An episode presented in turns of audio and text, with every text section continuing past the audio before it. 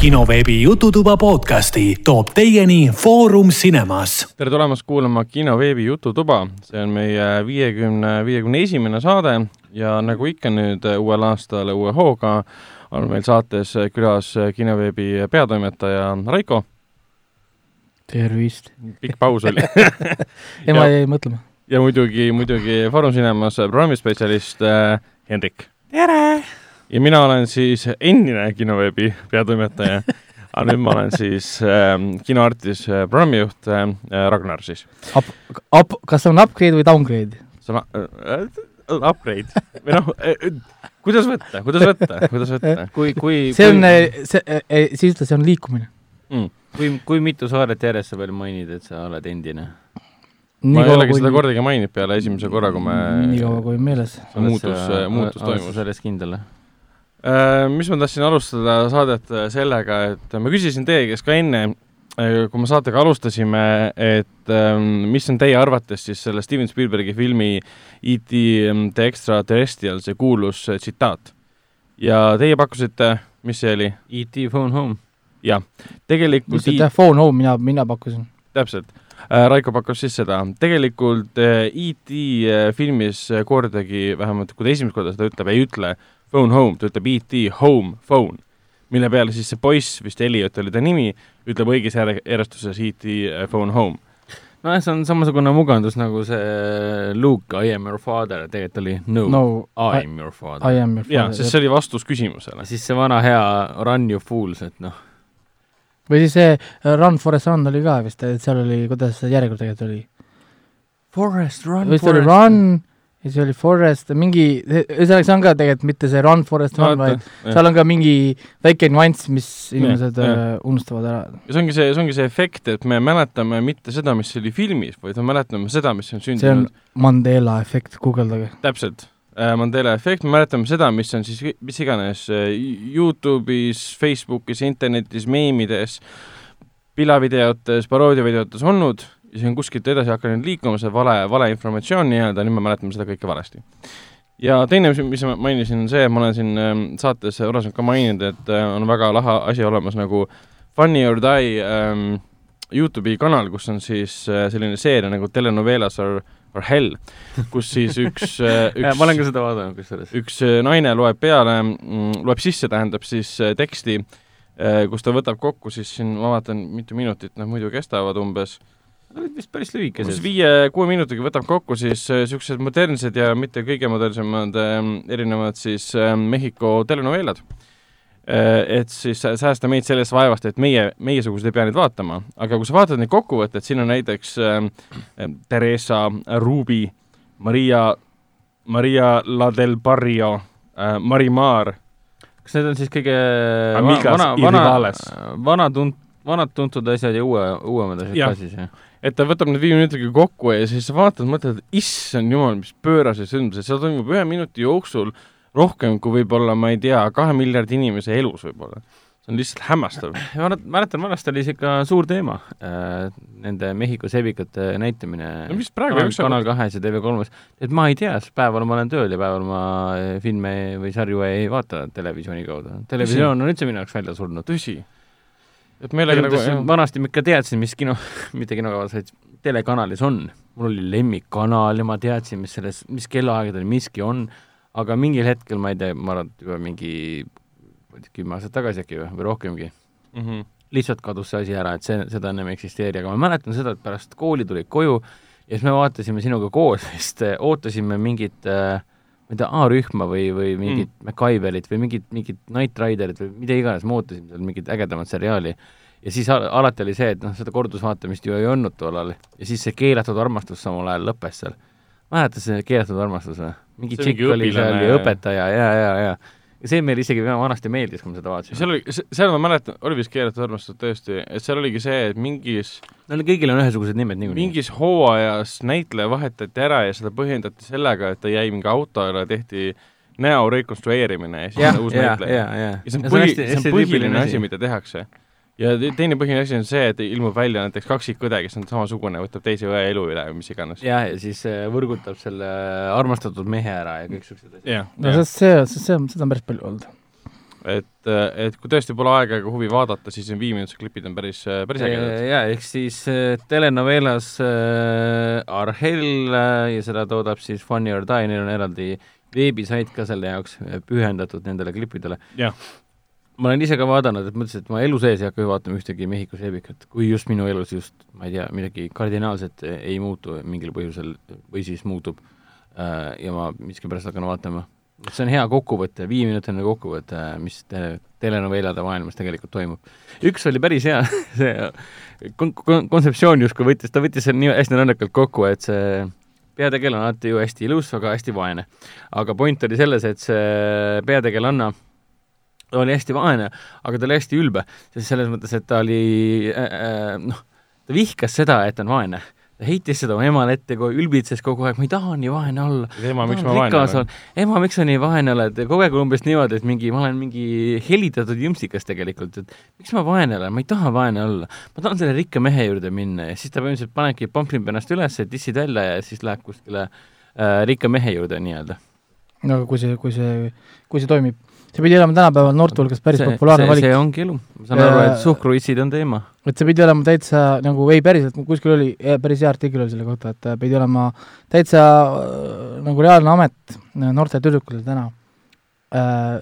leida rikas mees ja jääda temast rasedaks. siis ta ei tegele selle mehega enam kunagi, mees maksab aliment vähemalt kaheksateist aastat, ehk siis naise jaoks on üks nagu või noh, paar ööd või üks öö on kaheksateistkümne aastane investeering, kus kohas rikas mees maksab talle kõik kinni mm.. see kõlab uskumatult vastikult. Ja, no see ja... kõlab nagu ühe viisi, nagu tasub elu elada. kui, kui minut... no jaa, aga selles mõttes, kui sa reaalselt saaksidki nagu kaheksateist aastat, sul on ju yeah.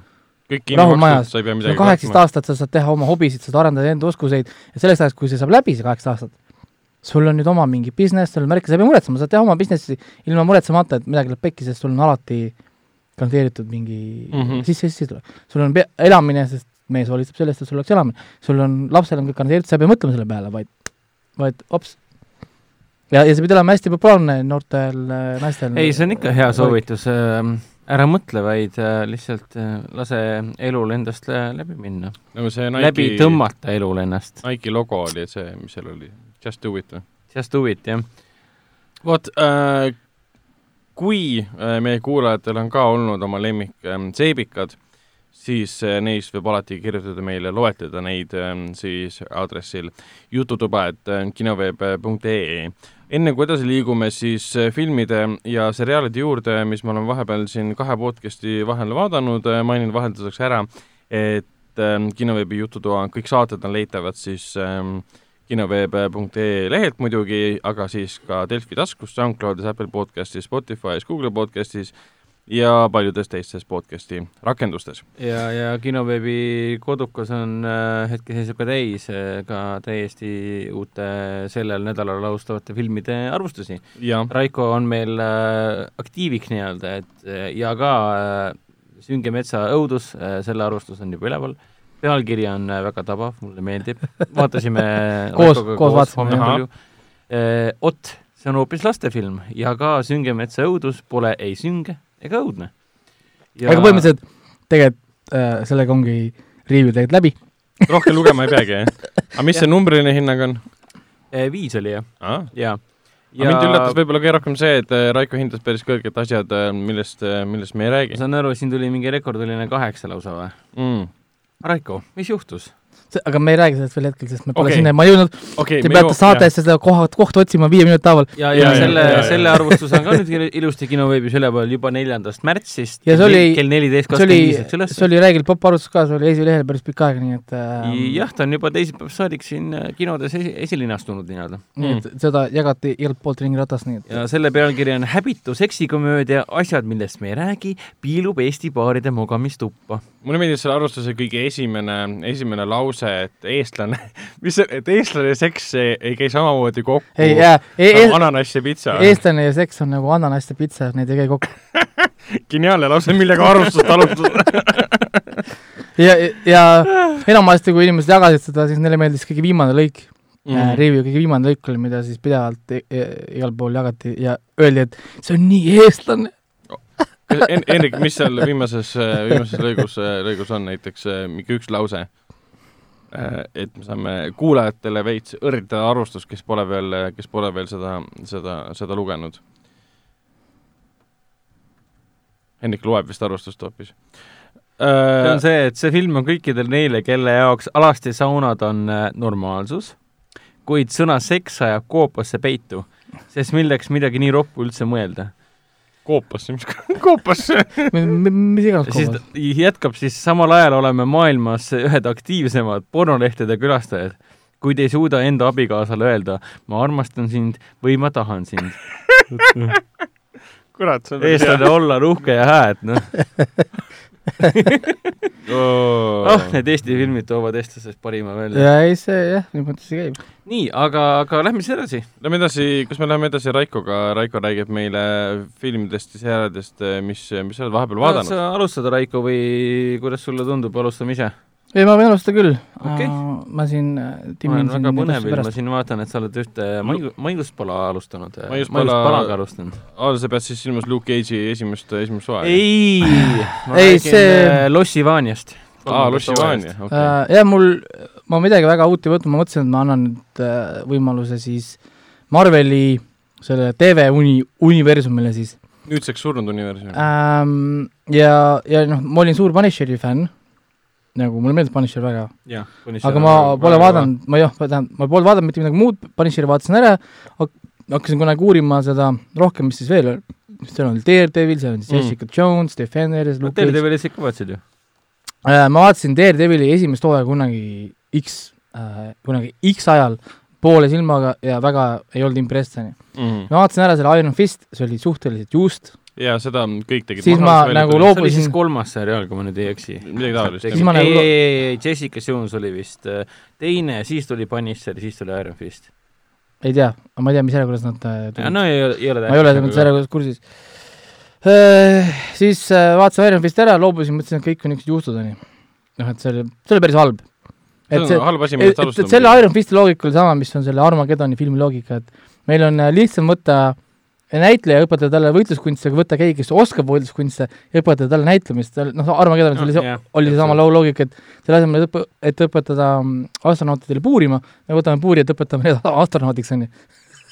see on kusjuures, kusjuures lause, mida ütleb ka Ben Affleck äh, Armageddoni siis DVD äh, kommentaarides, kus ta siis äh, Michael Bay käest küsis ka, et miks on lihtsam nagu puurijaid treenida astronautideks ja mitte vastupidi, astronaute teenida puurijateks, mille peale siis Michael Bay vastas, vastas talle inglise keeles nagu shut, shut, shut, the fuck up.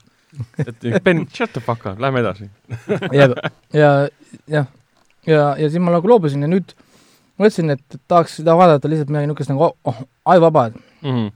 mida ma saan lasta nagu taustaks niimoodi, et ma ei pea keskenduma, siis ma hakkasin vaatama Luke Cage, vaatasin kohe esimese hooaja ära, päris hea asi oli, noh nagu mm -hmm. Üllatavalt hea oli, esimene hooaeg jooksis just ära, vaatasin teise hooaja esimest episoodi, ma ei saanud mitte midagi aru. teine hooaeg, Siis- seda vist ei vaadanudki ju. Äh, siis ma võtsin korra Google'i lahti, et mis ma siis valesti tegin, järjekord on mul täiesti vale Mm. ma, ja ma sain teada, et ma pean vaatama kõigepealt Daredevil season one, jaa, Jessica Jones season one, siis ma pean vaatama aa, on või? siis Jaa, ma, siis ma jaa. pean äh, vaatama äh,, issand, ma ei mäleta, ühesõnaga see on väga keeruline protsess, ehk siis nüüd enne, kui ma saan vaadata season kahte, Luke Cage'i, selle Luke Cage'i oma, ma pean vaatama, mis mul oli, seitse hooaega asju pean vaatama enne. mm. -hmm. ehk siis neid peab vaatama tegelikult ilmumise järjekorras, sest nad on kõik omavahel seotud.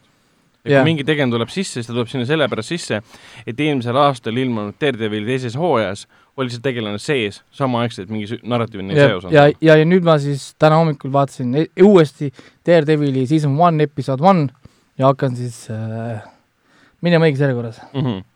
aga ei, Luke Cage oli tegelikult meil väga hea, kuigi teist hooaega ma ei see vaadanud oli nii veider jah, esimene hooaeg sai nüüd läbi, teine hooaeg, esimene episood eiras kõike, mis nagu lõpus oli, ehk siis noh, ei ma ei saanud aru, ma ei saanud mitte midagi aru, konkreetselt nagu ma teadsin, okei okay,, see on nii mul on ma, täiega puudu asju. ei teadnud. ma siiralt ei teadnud, et see on niimoodi, on, on tegelikult. aga me ei teinud Mina sellepärast, et me vaatasime see- järjest selle Marveli Netflixi seeriatest ma olen ainult kolme vaadanud, Punisher, Jessica ja siis Daredevil. mm.. Luke'ini ja De- Defendersini ja, ja, ja selle Iron Fistini ma pole jõudnud. Mm. aga olen väga üllatunud, et nad niimoodi seotud on. Aga jah, selles mõttes see nagu annab lisatööd, et ma pean asjad Vikipeedia lahti võtma ja vaatama, millal nad ongi, ilmusid sa pead järjest. kõigis järjekorras vaatama, siis sa vaatad Defendersi, mis on ka vahepealne osa, sest pärast no Defendersit Defendersist ma saan aru, seda peaks loogiliselt kõige see on viimasena nagu siis see Mar-, Avengers nii-öelda. ei, seda peaks vaatama peale kõikide season one Jah. on Defenders Jah. ja, ja siis sa lähed vaatad season two nagu asjad ära, siis vaatad Defenders season two Jah. ehk siis no et pidi olema nagu selliselt, et sa vaatad nagu kõikide selle tutvustava hooaja ära ja siis see veebisait, kus ma tookord vaatasin seda, siis seal ta muidugi ka ütles väga hästi, et et sa ei pea vaatama Iron Fisti, sa võid, sa võid, sa võid skip ida terve Iron Fisti ja mitte midagi Mm. noh, selles mõttes ei jää nagu nägemata. aga see Iron Fist oligi nagu see märk, et see veits kvaliteedi langus tuli sisse, sest siin Jessica Jonesi kolmandat hooaega ma ei ole vaadanud, aga see tehti ka nagu maha, Punisheri, vist oli see kolmas hooaeg oli viimane hooaeg Punisheril vist, see mulle nagu meeldis, aga ta oli väga aeglaselt kulgev ja kuidagi sihitu, mis mind sügavalt häiris, kuna see karakter on endiselt väga äge. kaks hooaega on Punisheril. no vot, teine hooaeg ei töötanud enam nii hästi, aga jällegi see John Bertal kandis seda Punisheri rolli ja Darede- Daredevili puhul samamoodi, et esimene Daredevili hooaeg minu arust on suurepäraselt, lausa meisterlikult lavastatud, see, kuidas ta pühendub karakteritele, nende loogikale, motiividele, taustadele ma olen tohutu fänn Daredevili suhtes ja Jessica Jones esimene hooaeg mulle ka väga-väga Jaa. meeldis. Ja kõik see koridori action stseen, see kandis ka täiesti uue boost'i sellele, et seriaalides ja filmides hakkaks rohkem olema selliseid ja no pikka teine, kaadrivõtteid. teine hooaeg on ka väga kõva mm., selles suhtes. selles mõttes küll.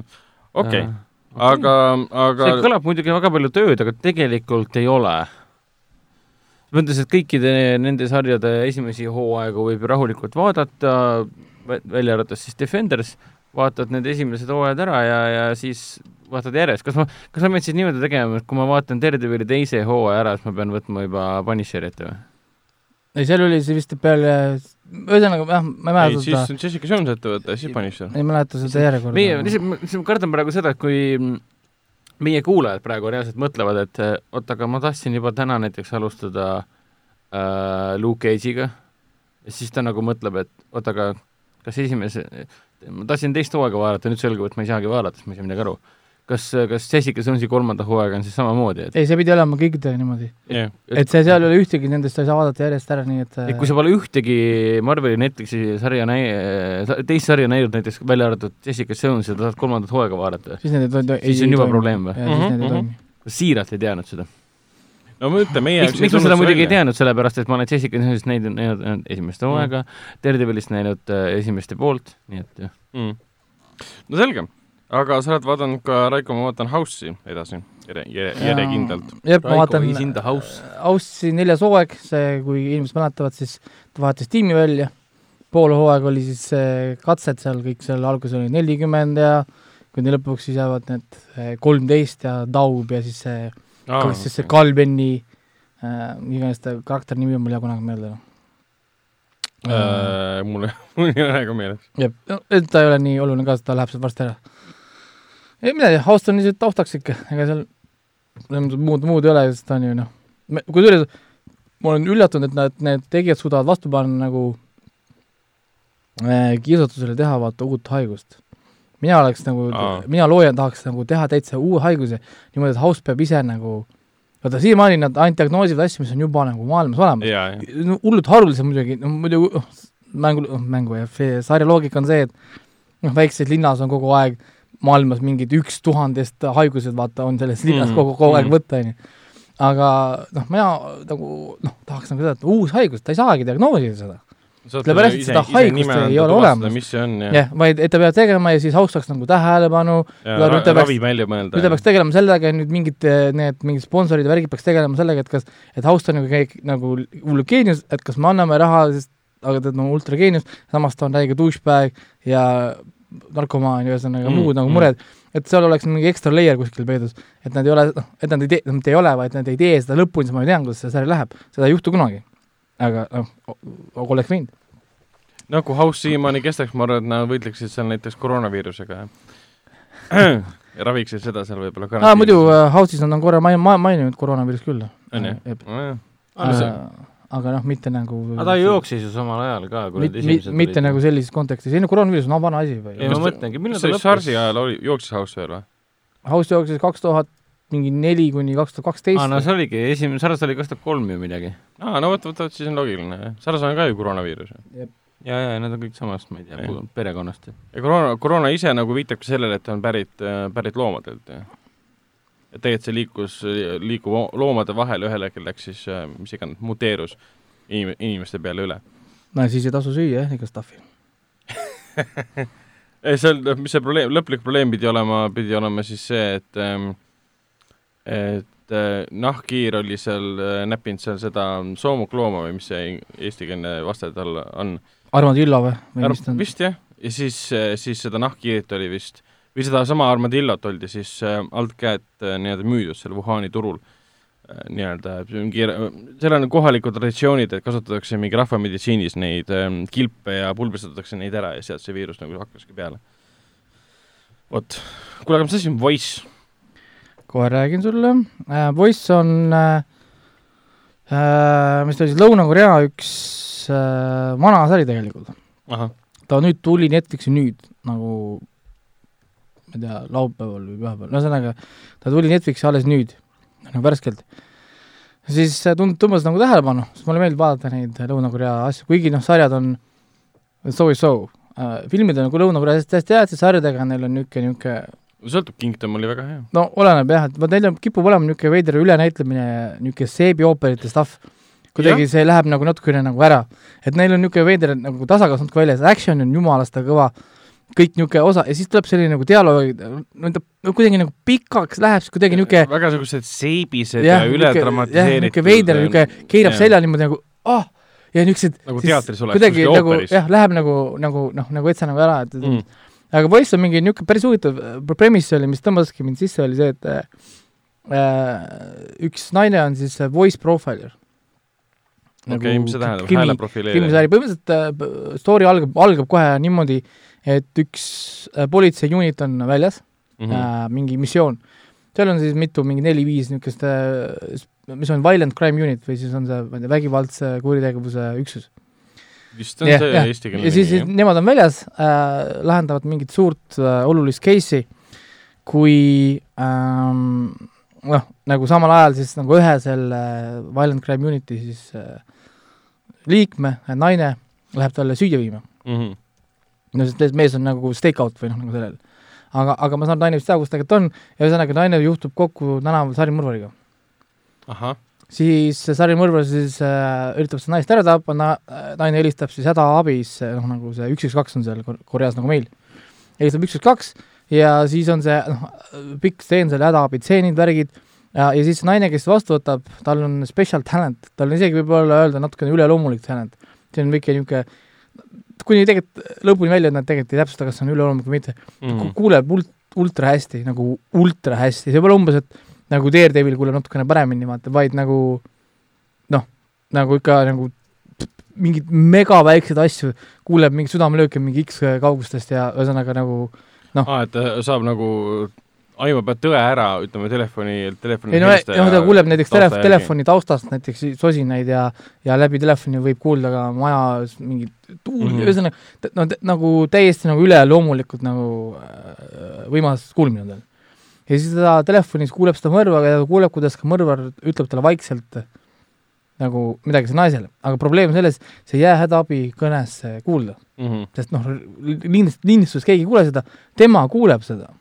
Või noh, kuuliis, lindistuses seda vaata ei ole, sellepärast et see ku- mõrvar ütles naisele nagu noh, seda hästi nagu lähedalt. Mm -hmm. ja siis on kohtu case, neil on mõrvar käes, kõik on nagu oot-, et, et see nagu pannakse kinni ära, kõik tõendid on selle mõrvari vastu, on ju, mingid riided, värgid, särgid, siis see naine tuleb tunnistama, tema oli see dispetšer, kes vastu võttis ja tema kuuleb mõrvari ta ütleb, see ei ole see. okei, okei. ja, ja siis see mees läheb nagu tilti, tilti, mees tilti. mees läheb närvi äh,, et umbes sa oled, noh, miks sa teed nii, naa, naa, naa. ja ühesõnaga kolm aastat hiljem on siis see kohe, kolm aastat hiljem na- naine tuleb Ameerikast tagasi, ta käis Ameerikas õppimas äh, voice profiling, kuidas helid ja mida tähendab helid, kuidas helide järgi nagu asju nagu teha ja Mhm. nii edasi. nüüd ta antakse Koreas uus töökoht, ta saab nagu äh, mingi ametikõrgenduse või ühesõnaga ta saab teha oma unit'i ja ta võtab seesama mehe sinna unit'isse tööle. tema unit on siis see mingi äh, põhimõtteliselt kiirreageerimisüksus mm. -hmm. oota, sellesama mehe, keda süüdistati, kelle jaa. tema vabastas? ja, ja see, ja, ja siin ongi see dünaamika, et see mees on tegelikult selle naise vastane, sest mees ikka usub, et see, tema lasi mõrvaril nagu minna ja ta ei usu, et noh, see naine kuulis või noh, sai kuulda asju, mida seal tegelikult ei olnud, ja, ja siis see, ja see naine on veendunud, et seesama mees, kes tappis äh, se- selle mehe naise, on ka sama mõrvar, kes tappis tema isa, mm,. Sest ta samamoodi kuulis seda isiklik seos. äh, jah, nagu mõrvarit nagu. ja siis põhimõtteliselt see stari hakkabki niimoodi minema, see oli vist mingi kakskümmend episoodi või midagi Mhm. sellist on see kohe asi, asi kokku. iga episood on üks case, noh nagu niisugune mitte related case sellele särimõrvarile, aga samal ajal nagu taustal nagu see main story nagu natukene nagu liigub ka kogu aeg nagu edasi, ehk siis seal on iga episood on põhimõtteliselt nagu noh, algab nagu, et nad saavad kõne, Mm -hmm. Naine ütleb, et see on oluline kõne, näiteks seal üks kõne kus kohas äh, ema on püstitanud oma poega. poeg on peidus kodus, helistab hädaabisse, poiss ei tea oma aadressi, ei oska öelda mitte midagi, noh, väike laps. Mm -hmm. ja siis see naine, naine telefoni teel kuulab, kuuleb tuulekellasid, ma ei tea, igasuguseid autosid, asju, hakkab andma siis selle kiirreageerimisüksusele nagu tee peal infot, et see peab olema see linnaosa, see peab olema see koht seal. see tähendab seda, et ta peab olema väga, väga suure andmete kogusega inimene ka, et ta teab, ongi see tunneb seda linna niivõrd hästi. ja sellepärast ta käis ka nagu noh, Ameerikas, et kui ta kuuleb ema samme, kui raske see maa on, kui pikk see maa on, pakkus sammu pikkuse järgi mm. -hmm. ähm,, noh, sü-, südamelöökide järgi, kas ta on närvis või mitte. ja siis ta suudab näiteks äh, telefonis öelda, kui ta räägib selle emaga, et ta sü- südamelöögi järgi nagu, oh meil on aega veel, ema on rahulik. ja siis ta Mhm. ütleb, et sa pead kiiresti tegema, ema läheb kohe närvi ja hakkab nagu noh, reageerima. on ju, ehk siis seda noh, niisugune info kogu aeg. ja iga nagu episood ongi niimoodi, sul mingi, mingisugune case. kogu aeg on mingi, noh, need on erinevad niisugused nagu noh, see on see case of the week nii-öelda no põhimõtteliselt jah, nagu et nad valivad ühe niisuguse, niisuguse hea case'i, pikad aastad ka, tund, tund aega on episood mm. -hmm. ja niimoodi ta jookseb ja, ja siis äh, noh, sul on põhimõtteliselt nagu keskel on niisugune mid-season, niisugune suur story umbes, kuidas nad saavad peaaegu kätte seal nagu noh, mingid mingid reveal'id, siis hakkab jälle nagu sama asi pihta jälle, case, case, case, case. no vahepeal on nagu nad muudavad nepod, vahepeal näiteks mitu väikest case'i, et nad lahendavad nagu hästi kiiresti nagu lihtsalt noh oh., või siis ta võtab, võtab telefoni vastu näiteks ja ta saab telefoni järgi aru, ahah, sina tegelikult ise tegid ju. või et näiteks kui ta, või et ta, või et ta kuuleb äh, sealt, vaatab ühte seda uudistesaadet, kus kohas üks see välja, väljapressi, et noh, nagu lastakse te- seda äh, väljapressimise kõnet või umbes, et noh, pere käest tahetakse saada raha mm, -hmm. siis ta helistab sinna saates, ütleb, et see onu, onupoeg ise on süüdi. seepärast, et see kõne maneer, kõik on sama, tempo, liikumine, kõnemaneer, kõik on sama, sest et ta muutis hääletoont, aga peab olema tema, sest see on nagu sõrmejälg. no selles mõttes, kõlab jumala huvitavalt ei, oli huvitav, et ma vaatasin ära, ma olin väga rahul sellega. wow.. oota, sa ütlesid, see on vanem seriaal see? vanas on tegelikult mingi kaks tuhat seitseteist juba. Et see, et, et see on selle Korea oh,, väga värske seriaal et Ko- Koreas on see suur channel, see OGN äh,, seal peal jooksis see. Mm. -hmm. ja nüüd Netflix on selle siis nagu ära võtnud. Ja Netflixis on kaks voice'i, ehk siis neil on varem juba oli olemas Tai versioon samast asjast, ehk siis Tai on kopeerinud seda Lõuna-Korea voice'i, teinud oma versiooni sellest, see on ka Netflixis olemas. ahah, et sul on olemas siis Tai versioon Voice'ist ja Täpselt sama. Ja see on täpselt sama ja et kui praegu võtate Netflix lahti, vaatate voice, sa saad, sa saad kaks äh, varianti, üks on kaks tuhat üheksateist, teine mingi kaks tuhat kuusteist, kaks tuhat seitseteist ja mm, mis on nagu selles mõttes noh, nagu veider, et Netflix ennem sai koopia kui äh, originaali. vot antud juhul on väga hea testida, kuivõrd äh, kitsarinnaline või siis äh, peidetud äh, rassist ma olen, et kui sa paned voice sisse, siis nagu lihtsalt pildi põhjal, et kumb on Lõuna-Korea seriaal. ma praegu hakkasin vaatama, oota, ei saa aru? ma valin esimese. samamoodi ka seda, et kas te räägite Lõuna-Koreast ja asjadest, mis jess, on esimene on õige. rääkides Lõuna-Koreast ja asjadest, mis äh, korduvad erinevates riikides, kas te seda teadsite, et see Gabriel Mahti äh, see väga stiilne slick seriaal äh, Suits on Lõuna-Koreas ka remake itud või uueks versiooniks tehtud, jah. Ja see See, on Netflix, Netflixis on mõlemad olemas. see, kus, kus, kus, mis ta nüüd nimi oli, see, kes abiellus selle Meghan Meghan, Meghan Markle, jah? jaa. täitsa veider, ma alles hiljuti vaatasin äh, Suitsi äh, esimeses hooajas paar episoodi ära, et tuletasin endale meelde, kui, kui jätkuvalt, kui äge, äge seriaal see on. ja ma olin jumala üllatunud, et äh, Netflixis on mõlemad olemas ja, ja vaatasin, mis asi, mis see teine Suits siis on. vaatasin, oi näed, see on lõuna-korealased oma versiooni teinud. sellel Mis, Suitsil on äh, lõpuks ju kokku mingi sada tuhat episoodi, ma vaatasin. mitte nii palju, aga mingi kuus hooaega, seitse seitse hooaega. hooaega on kokku, te, te seda on räägite siin nagu One Piece'ist praegu. sada tuhat episoodi. kas One Piece ongi kõige kauem äh, kestnud seriaal üldse maailmas? ma ei tea, ei ole see kõige rekord on vist Santa Barbara või Tallas oli. aga vaprad ja ilusad ei ole või minu arust oli üks nendest, mm.? üks nendest äh, pikkadest Ameerika veidratest nendest oli. Mm -hmm. no selge, aga mis veel, Raiko? sa oled vaadanud ära äh, Pete Davidsoni uue Netflixi spetsiali, millest ma ka eelmises saates rääkisin. kuule jah, ma olen suur stand-up'i fänn, onju, ja siis, kui äh, stand-up'id tulevad, ma lihtsalt vaatan kõik need ära, mm. -hmm. igasugused veidrad, mis siin on. aga ma tavaliselt annan po- pool, kolmkümmend minutit, ma annan neile aega. mul on niisugune enda isiklik reegel, ma panen käima, on pool tundi ja kui ma poole tunniga ei ole impressed või ei leia, et see on äh, naljakas, ma panen kinni ja thumbs down. No aga ei ole mõtet oma aega raisata, selles mõttes, kui mõttes, see huumor nojah, läheb kui see peale. ei tõmba nagu absoluutselt Jaa, jaa, ja mõni, mis on nagu äärmiselt jube, näiteks Amy Schumer, ahah, ei tema asju ma siis isegi vaadanud äh, ma vaatan neid lõpuni lihtsalt sellepärast, et kui hull see saab olla või kui hulluks see saab minna.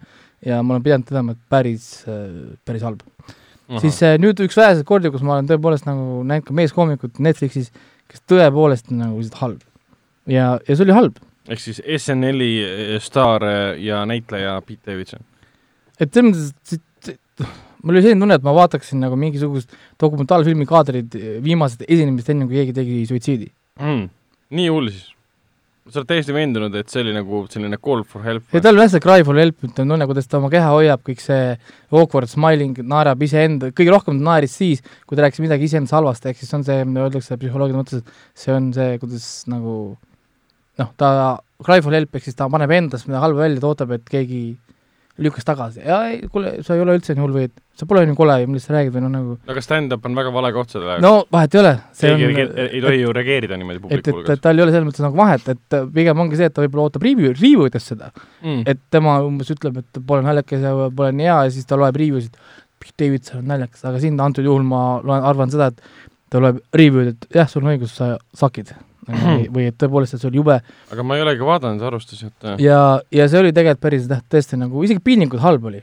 selles mõttes, et noh, need naljad olid nii nagu awkward, enamus polnud isegi naljakas, teised rääkis mingeid story sid, mis ei- nagu noh, ma ei tea, ei pidanud isegi olema vist naljakad või?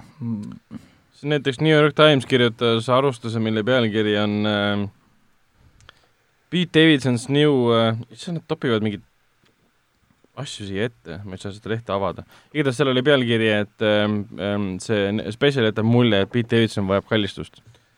Needs a hug või? jah yeah., no täpselt, vot see nagu täitsa tõele vastata ju. no seal oli näha, et ta on ikka broken eh, või noh, ta on nagu täitsa maha murtud nii-öelda. mis see on DOA tähendab? Dead on arrival. ahah, ehk siis äh, Paste äh, magazine kirjutas Pete Davidson stand-up career is dead on arrival in Alive from New York. et äh, põhimõtteliselt jah, teda tehakse maha päris kõvasti. no ma saan aru ka miks, sest nagu siin, siin, siin ei ole seda content'i või noh, seda asja, mis, mis siis nagu noh, siin pole isegi nagu mitte midagi, mis lubaks olla vaata naljakas. Mm -hmm. tavaliselt isegi kui on Amy, Amy, Amy Schumer kopeeritud naljad, ta ikkagi kopeerib need, mis on äh, noh, naljakad, ta võtab teiste käest, mis on noh, aga, aga noh, siin ei ole isegi seda. Et tõepoolest, aga nagu jah, samuti see, mis eelmine rääkis, et need äh, piinlikud momendid, kus ta proovib seal tabada, et oo, et sa võtsid pausi pealt ära ja, ja siis ja, see, ja, kui ja. halvasti see edit või see äh, monteerimine ka oli, lihtsalt visatud kuidagi sinna sisse. noh, ma nagu ütlen, ta tundus ka kuidagi suvaline, ta ei olnud, ta ei olnud nagu päris spetsial. ta oli selline nagu afterthought. siin võib öelda, et see tundus nagu Eesti Comedy Special. kusjuures me käisime alles hiljuti vaatamas Harimati Mustoneni seal Vene Kultuurikeskuses no kui ta nii palju karjuks, ma, ma, ma vaataks ka. karjuks. ta päris palju teeb oma ta karjub, ta minu meelest seal, me karjumise käisime asju Vene kultuurimajas või? keskus või? kultuurikeskus, jah, see, mis siin Merepuiesteel on. ta karjus jah, tõesti väga Ta- palju karjus. et muidu ta mulle meeldib, ma lihtsalt, ma ei viit-, ma ei taha seda äh, mulle meeldib vaata, kui niisugune nagu karjumine on. näiteks on põhjus, miks ma ei saa vaadata näiteks seda Black Cloveri animet mm. -hmm. ma, see peategelane, see Asta. ma ei jõua seda kuulata viissada episoodi, ma lihtsalt, ma ei jõua. Aitab nagu, ma, noh nagu, et seal peab olema mingi point või mingi asi, vaata, noh nagu aga noh, see Harimati ka, et oli igal pool kogu aeg välja müüdud, vahet poole kuud on läks, ta on kogu aeg välja müüdud, lõpuks saime ikkagi piletid viimasel hetkel ära ja aga ausalt öeldes ma ei olnud nagu ülemäära, üle, ülemäära vaimustuses ei, ei, ei etenduse ajal ega ka täitsa viimastel minutitel. Äh, ta karjus jah tõesti palju ja ta ropendas väga palju, aga minu, minu närvi, närvi, närvitundeid ta või noh, nalja, nalja, naljatundeid ta otseselt nagu väga palju ei, ei näppinud nii-öelda. tal on mõned nagu head naljad on, aga äh, mina ei tea, mulle tundus, et ta nagu jäi tihtipeale toppama ühe nalja peale ja ta nagu venitas seda nalja hästi pikaks ja ühel hetkel tekkis tunne, et, et palun mine nüüd edasi, enne kui asi piinlikuks läheb, et noh Äh, mulle vist Sander Õigus meeldib rohkem Eesti, Eesti stand-up'i, et Sander vist meeldib kõikidele ja siis see Niinemets on ka rahuliku niisugune..., no Niinemetsa ma ei ole kunagi näinud, välja arvatud see nali, mis asi oli Eesti Laul, aga wow. see stand-up oli päris tore, jah. aga, aga kuule, need vaheklipid, kes iganes need kirjutas, äh, peaks olema lahti lastud nagu nüüd. ma arvan, et ta juba ongi. ja, ja kohe oota, mis vaheklipid on need? ma isegi pole vaadanud kordagi seda äh,. ära üldse, selles mõttes Pole mõtet, kui pole vaadanud, siis pole mõtet ka. sul on muid asju ka teha elus, ma arvan. aga, aga Sannu ehk siis Sander Õigus mulle täitsa meeldib, ta on niisugune toreda rahuliku häälega ja tal on niisugused mõnusad läbimõeldud nagu, nagu tükid, mis ta teeb. Erinevalt siis Harimatist, et Harimati on tore, ma ei, ma ei saa öelda, et mulle ei meeldiks ta otseselt, aga ma pean nägema tema mingisuguseid teistsuguseid kavasid ka, äkki siis meeldib rohkem. No midagi pole vaadanud, aga ma, noh, ma ei ole ka fänn, tavaliselt hakkab luugama, siis ma panen kinni, ma ei ma ei viitsi. ja siis ma täna hakkasin, täna hommikul lõunal äh, ennem, üks osa ennem äh, kino üks osa pärast kino va-, vaatasin Castlevania siis kolmandat hooaega, kolmandat hooaega, mis tuli välja täna hommikul mm. -hmm. ja seda on kümme episoodi, see on siis seni kõige pikem hooaeg, mis on ainult imeline uudis. ja aeglane on selles mõttes, et esimesed e-, episoodid nagu on hea, hea aeglane. jaa, see, see on, ma just tahtsin selleni jah jõuda, et see on okay, nagu see, see on see, nagu, ta on nagu aeglase tempoga, vaata, kui esimesed hooajad on hästi kiire, märul, märul ots on niisugune noh, nagu verine, ikka niisugune hästi äkiline, siis nüüd on tempo. kõik tempo nagu maas, Dracula on läinud, see on spoiler, aga, aga vahet ei ole. oh, Enn pole näinud, Enn pole näinud lõpuni. ma eeldan, et kui inimesed räägivad kolmandast hooajast, siis esimesed kaks peaks olema juba nagu... kõrvuti üle üks. sa ei ole lõpuni näinud või? teist hooaega pole vaadanud sa vana vee nagu yeah. esimene hooaeg kestab neli episoodi, mis sa passid nagu? iga episood on mingi kakskümmend kaheksa minutit pikk ja see on, see oli, minu jaoks oli see nii magus kraam, need esimesed kaks hooaega, et ma lihtsalt hammustasin kõik korraga läbi ja mõtlesin, et issand. see, see on väga, see on niisugune higistav tunne tekkis selle see on väga hea asi. Ja siis äh, ta on aeglane, selles mõttes, et aga nad võtavad nagu selles mõttes, noh, nagu me e-, ennem seda saadet äh, siin rääkisime ka, et see on see hea aeglane, sest nad võtavad ekstra nagu aega. Nad võtavad aega selles mõttes, et nagu anda nüüd karakteritele rohkem nagu momente. nüüd me näeme, nüüd me hakkame lõpuks nagu neid karaktereid nagu tundma õppima. siin on päris palju rohkem nalja, on ju, neil lastakse omavahel nagu rohkem suhelda, siin on lihtsalt nagu dialoogi nagu rohkem, siin näiteks no näiteks üks esimese episoodi kohe minu lemmik see, mida me koos na naisega naarisime, oli see, kus kohas siis äh, äh see Belmont saab lõpuks Belmont. siis äh, õlut, nagu vaata, õlut läheb, ostab siis õlut ja siis joob ära selle pool lonksu, ütleb, oo, et see on parem kui seks. ja siis see tšikk on kõrval, paneb selle jäässe selle õlu, vaata, siis oota, mis asja, sa nüüd räägid vampiirist või Belmontist, Belmont on see, Belmontide järeltulija, Alucard on ju Dracula jaa, aga ma räägingi Belmontist, see pitsaga vend, see inimene. mis mõttes õlut, ta pole varem õlut joonud siis või? ei, ta lihtsalt saab lõpuks õlut peale seda pikka reisi, kui sa vaatad eelmist osa, saad aru, seal ma räägin ühest ah, okay, ühest nagu tseenist, kus ta, ta saab lihtsalt nagu õlut. ja siis on niisugune pikk, pikk vahetus tema ja siis selle spiikeri vahel, see naine seal, kuidas ta üritab seal vabandada, et ma mõtlesin, noh, et nagu sel momendil, kui ma jõin õlut, et see oli parem kui seks, et noh, ma tegelikult ei olnud nagu üldiselt mõttes parem kui seks. Ja siis äh, spiiker, see naine ütleb ka, et sa võid seda õhtul rääkida siis, kui sa magad üksinda, üksinda omaette seal. Ja no ühesõnaga, siin on hästi palju niisugust nagu Äh, niisugust päris palju huvitavaid asju, siis see on see, näiteks head stseenid, kus Alucard on üksinda, on ju, ja siis ta ehitab nukud, see Belmonti see tšiki nukud, ja siis ta ja, nagu teeb nende eest nagu dialoogi. ma lähen, ma lähen topin oma peenist surnud koerasse, ei ära tee niisuguseid halbu asju. ja siis wow., ja, ja siis see Alucard ütleb, kurat, ma vist lähen äh, hulluks ära vist väga hea, palju huumorit et ei, selles mõttes ta, noh, ta on nagu aeglane, ta on hoopis teise tempoga, aga mitte kuidagi halvem. see on okei okay,, ma arvan. kaks episoodi pikem ka kui eelmine, eelmine oli kaheksa episoodi ja, ja ma saan aru, et äh, no spoilers selles suhtes, aga teine hooaeg tutvustas ju päris palju uusi tegelasi. jaa, ja siin äh, eriti need kaks tüüpi. jah, need lähevad siin kõik edasi ja nemad saavad ka aega, mitte ainult, mitte ainult nagu need kolm nii-öelda head, halba tegelast siin pole nagu defineeritud nad nagunii.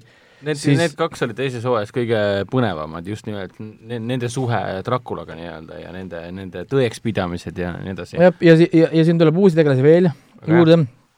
Ja ei, ma juba noh, hea meelega teise Marvelist keel täna on. ma arvan, ma tõmban selle täna öösel, lõpetan ära ka.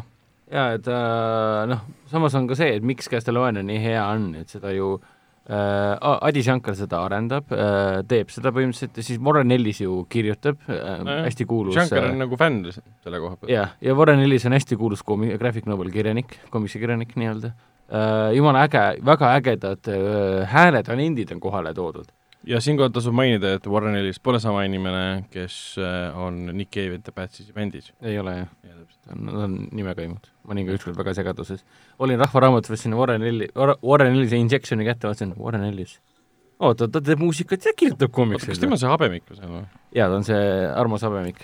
mm.? Mm. super, ma vist täna lähen ka koju, ruttan juba, ma panen praegu tööle juba, et kohtume kuskil äh, kümme, kümme korda kolmekümne minuti pärast. podcast'i ajal vaatas seriaali. nii, okei okay,, aga lähme edasi. Aga siis mis,, aga äh, siit teeme siis kokkulepped järgmiseks äh, episoodiks on meil kõigil äh, vaadata. Castlevania vaadata, teeme Äh, spoiler homme, homme on review kino veebis, palun väga hea väga hea, väga hea. mina ei loe, sest ma enne pean läbi jõudma. sina pead kõik läbi vaatama. no neid pole nüüd nii palju ka saame siis, pole nii saame pikad. järgmine episood teha siis Massive Castlevania äh, fänni, fänni, fänni saate. sest mina mängudest ei tea mitte aga, sittagi, aga sina tead vist äh, mõelge selle peale, et Castlevania hooaeg, mis on anime, on äh, tund kakskümmend pikem, kui oli see I m not okay with this. Aa jaa, Nice. on jah, okei okay.. no ses kuule, suhtes, kas, et kas, kas, Castlevania ei ole anime ju? sest ta ei ole ju originated from Japan ju. see ei ole kuidagi ei, peagi olema. see ei ole kuidagi definitsioonis sees. aa, et ta nagu, kui, kui on piisavalt sarnane, siis on anime ju. ei, kas me peaks tõesti hakkama homme kino, kino, kinoveebis on artikkel, mis on anime. mis on anime ja mis on anime. aga ei, kusjuures tegelikult on, mul on tegelikult pooleli, ma hakkasin tegelikult kirjutama ühte pikemat artiklit, mul on poole peal äh,. ma hakkasin selgitama an- anime žanre. mm.. ma mõtlesin, ma teen ühe niisuguse äh, nagu viiteartikli, kui inimesed guugeldavad animet või asja e eesti keeles, siis tuleks välja artikkel, mis selgitaks anime žanridele. mis asi on shonen ja, ja nii edasi, mis asi on shikai ja nii edasi, et kui inimesed kuulevad neid äh, žanre nagu, mida see tähendab, noh, nagu anime, mis on pae ja no selles mõttes, et kõik need nagu erinevad žanrid mm. -hmm. ma hakkasin lahti kirjutama neid äh, nii-öelda eestikeelset näidetega, aga jah, ma ei ole ja sul on, sul on väga hea ajastus, sest märtsis on kinos Artis äh, Jahv, Jaapani anime ja filmi, filmifestival. märtsi lõpus ma sain aru, jah? üheksateist märts äh, alusta-, alustame okay, filmidega. et seal on väga-väga palju filme, mida vaadata, seal on ka mängufilme, kas mida on juba, vaadata. midagi on juba avalikustatud ka? veel ei ole, veel ei ole, järgmisel äh, nädalal ähm, kas siis kaksteist või kolmteist ehk siis neljapäev või reede. oi, seal ma Avalikustatakse kõik. siis, siis on näed mind seal päris palju, sest et äh, sa ei, sa ei saa meile midagi öelda, mis seal see staarfilm spoilerdada, staarfilmi kohta ma ei taha öelda, aga spoilerdada võib seda võib-olla, et seal on selline kummardus Kyoto animatsioonile, sest Kyoto animatsioon oli muidugi see peakontor, mis põlema pandi, kus mitukümmend inimest surma sai tänu sellele, et seal endine mingi töötaja läks hulluks ja pani ennast põlema see oli masendav see oli absoluutselt masendav. see, see, see, see story on päris kuulus, kui in- inimesed äh, no üldiselt animeid jälgivad, siis see on, see on läbi käinud ka tegelikult äh, mitmest animest, see käis läbi isegi Mob Psychost, kui inimesed on vaadanud Mob Psycho Mm. äh, animet, siis see üks tegelane seal äh, no mitte üks tegelane, vaid see on üks nagu main story, kus on, noh, nad räägivad vaimudega kummitusega ja siis nad peavad tegelema selle hulluga, kes selle maha põletas. aga nii, nojah, see on ikka šokeeriv ja rabav, rabav ähm, sündmus, mis, mis seal toimus ja, ja siiamaani on jätnud nii-öelda äh, järeltõuked ähm, anime kogukonda, aga ja, igatahes Jahv on tulemas, Jahv ära ei jää ja kaksteist, kolmteist ähm, siin neljapäev või reede on siis suurem, suurem info puistamine selle kohta, mis filmid seal näha saab. filmifestivali tihe kevad ju tegelikult, algul on jah, jah, ja siis on Hõhv. äh, Hõhv tuleb kohe ja siis on otsa. võib-olla äh, kann, okei, Kann Raikol on ja- kann. võib-olla. ja võib-olla on E3 ka, jah. kann jääb võib-olla ära sellepärast, et koroonaviirus, et see oleks jama, kui jääb ära kann ja E3, siis on küsimus, mida ma teen. ma pean hakkama kodus ehitama ja, ja asju tegema, see on, see ei ole see, mis ma, mis ma tegelikult tahaks teha. ei, suvi Oota, ongi aga- mõeldud E3-e ja oota, jaoks. aga siit kohe tuleb väike tie-in küsimus, et kas Raiko läheb Cannes'i, Cannes'i? Äh, esialgu on ikka plaanis. mul on praegu plaanis minna Cannes'i, olla seal kümme päeva, üksteist päeva. päris lõpuni ei ole, sest ma ei saa lõpuni, ma saaks olla lõpuni, aga siis ma tõenäoliselt peaksin lahutama äh. et, et äh, ma kas sa lihtsalt praegu lahutama või? jah, seepärast, et ma jätaksin naise ra- äh,, äh, ma jätaksin naise kolme lapsega üksinda. niimoodi, et kevadel on ju, kui on lasteaedade lõpetamise värgid, Mariette või noh, mu tütar ära Lõpetab- nimesid nimeta, meil on äkki mõned lõpeta- äh,, lõpetab lasteaia ära, ehk siis ma muidu ma lihtsalt jätaksin ta terve maikuu oleks ilma äh, isata, siis ta ei, ma oleks lasteaia lõpetamisel ja ma tuleks tagasi põhimõtteliselt alles mingi juuni lõpus, mm.. siis äh, siis ta vaatab sulle sügavalt silma ja küsib, et kes sina oled.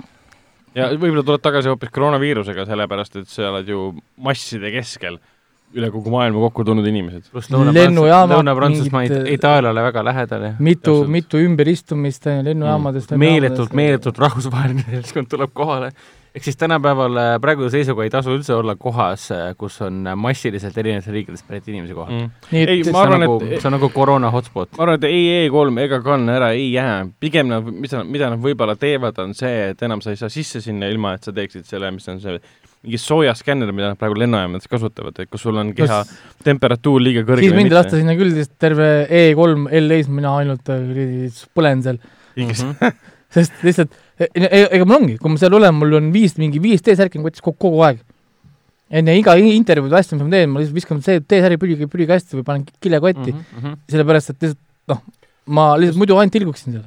aga Cannes'iga Mm. on see lugu, et sul äkki veab, sest vaata, eelmisel aastal, kui meie käisime, mina, Ragnar ja äh, Helen, tulemus oli see, et äh, me mõtlesime, et okei okay,, et me võtsime vist äh, Eestimaa sügise ja slaš kevade võtsime Cannes'i kaasa, sest seal oli külm kogu aeg. jah, külm oli vihma sadas. kümme kraadi sooja ja vihma sadas. Eestis olid soojarekordid samal ajal. kusjuures see kõlab päris hästi, kümme, kümme kraadi oleks jumala hea. aga kui seal päike tuli pilvi tahalt välja, siis see muutus väga palavaks. jaa, aga seda juhtus väga harva, mis oli harukordne meie jaoks, me olime valmistunud ju kuumaks kuumaks Lõuna-Prantsusmaa suveks. mingi palm on kuskil tee ääres, sa ei oota, et sul vihm sajab ja on külm kogu aeg. jah, sa päev otsa oled oma Kingad on jalad, kõik on märjad. päev otsa oled oma selle pintsakuga ringi kõndinud ja siis need äh, märjad plekid on peal mingid, miks ma seda üldse selga panin Jah.? kus mu jope on nüüd?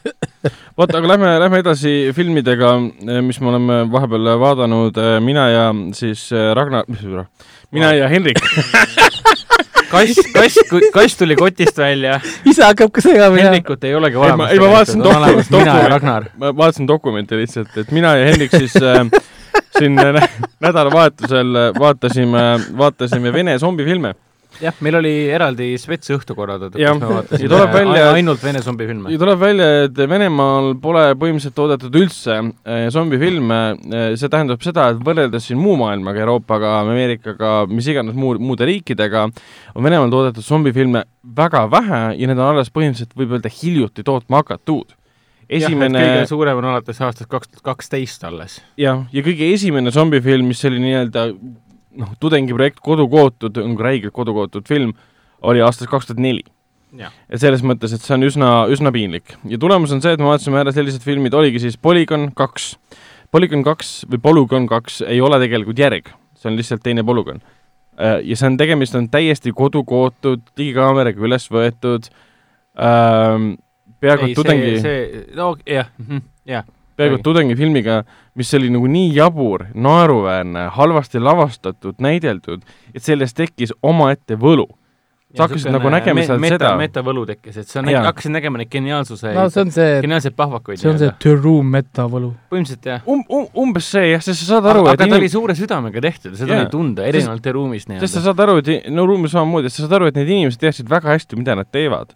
Aga neil polnud muud vahendeid seda film, seda filmi kuidagi teistmoodi teha, see oli Noh. lühike film ka. vahepeal zombifilm ju yeah., seesama Polygon kaks äh, zombifilm muutus põhimõtteliselt äh, Terminaatori, esimese Terminaatori muusika tuli aa peale, me nägime esimese isiku vaadet äh,, samal ajal tulid sinna Doomi või siis selle Wolfensteini äh, raamid ümberringi, põhimõtteliselt nagu videomäng. Head up display tuli ette, et jah, Hakkas ja kõik põhimõtteliselt, haat tuli peale Jah. ja HUD ja hakkas hakkas zombisid eks ta tulistama. oli jaburalt, jaburalt lahe ja lugu on väga lihtne, et sul on kuskil on mingi teine po- polügoon, kus tehakse inimkatsetusi, ühel hetkel see katsetus muutub selleks, et inimesed muutuvad zombideks. ja seal on mingid tegelased eksisteerivad, jumal teab, mida nad seal teevad, satuvad zombidele peale ja hakkavad siis nende vastu võitlema. aga see pole nagu võitlus, sest nad ei, isegi kohati ei, ei, ei saa aru, et tegemist on zombidega. Ja seal e- järjekordne näide on see, et üks tüüp satub sinna, see on mingi ilge vene kolgas, kus on, või küla, kus on see filmitud. lihtsalt nagu nii klassikaline pärapõrgu, kui üldse olla saab. ja, ja tegelane läheb sinna, läheb mingi Strasbourgi ja läheb siis äh, mingi zombi juurde, vaatab talle otsa, zombi karjub talle, siis mingi, aa, ma segasin, ma lähen siis edasi, et ta arvab, et see oli lihtsalt külamees, kes oli purjus või midagi laadset et nagu täiesti jabur ja lollus, aga umbes hea. tunne, et mida ma vaatan, kas ma vaatan äh, Jim Jarmusi Death on Died või ma vaatan Edgar Wrighti äh, zombikat, jah, Shaun of the Deadi. aga see oli Ja- nendest võib-olla see kõige niisugune, kuidas nüüd öelda, armetum crap, mis tegelikult oli okei okay film. no et me vaatasime ära Okei, ju tegelikult see oli teine kõige üks, armetum kaks, kolm, neli, viis filmi vaatasime ära äh, ja nendest äh, üks ainult oli armetu crap. Polügoon kaks tegelikult on ta lühike, aga ta on väga andekas. yeah., Äh, kõige hullem saast, mis me nägime, on aastast kaks tuhat seitseteist. filmi nimi on Soviet Zombie Invasion ja see on olemas äh, Amazon Prime'is. jah, mitte sellest saab, sellest saab mitte maksta. Amazon Prime videos, vaid Amazon Prime'is. jah, sellest saab niimoodi- maksta, seda tuleb rentida. ja see on täie-, see on ehe näide sellest, et Amazon Prime'i võetakse igasugust jama vastu, silm ka ei pilgu, kõik läheb sisse, filtreerimata. Sest so-, Soviet Zombie Invasion kõlab nagu ideaalne film, aa, et see on siis Nõukogude zombid no,. ei, see on lihtsalt mingid tüü-, mingid tüübid, see film näeb välja nagu oleks ta nagu see, kuidas on öelda, found footage, aga ta ei ole found footage. mingid tüübid lähevad lihtsalt äh, mahajäetud majja keset, keset su- suurt vene linna ja avastavad, et seal on nagu tekkinud mingi time loop sisse, kus zombid on, Soviet zombid ründavad inimesi. ja nad ei saa miskipärast välja minna. Kuigi me näeme, et noh, linna tänaval autod sõidavad ja inimesed kõnnivad mööda. ja see oli nii kräpilt üles võetud, lavastatud, ajuvabalt narratiiv kokku pandud, seal ei olnud mingit lugu.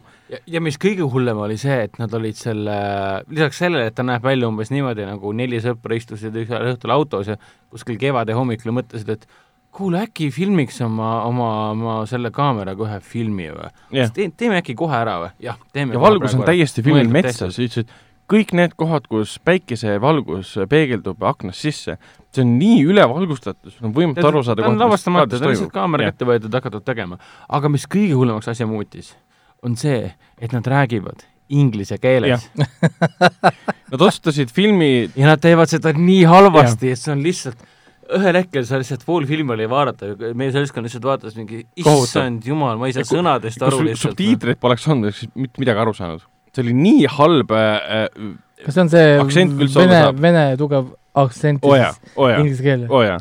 ja kõige huvitavam asi, kogu aspekt, kogu see haigem aspekt asi oli selle, et nad olid võtteplatsil, rääkisid inglise keeles. ja nad tegid fil-, hiljem filmile venekeelse dublaaži, kus on vene keeles.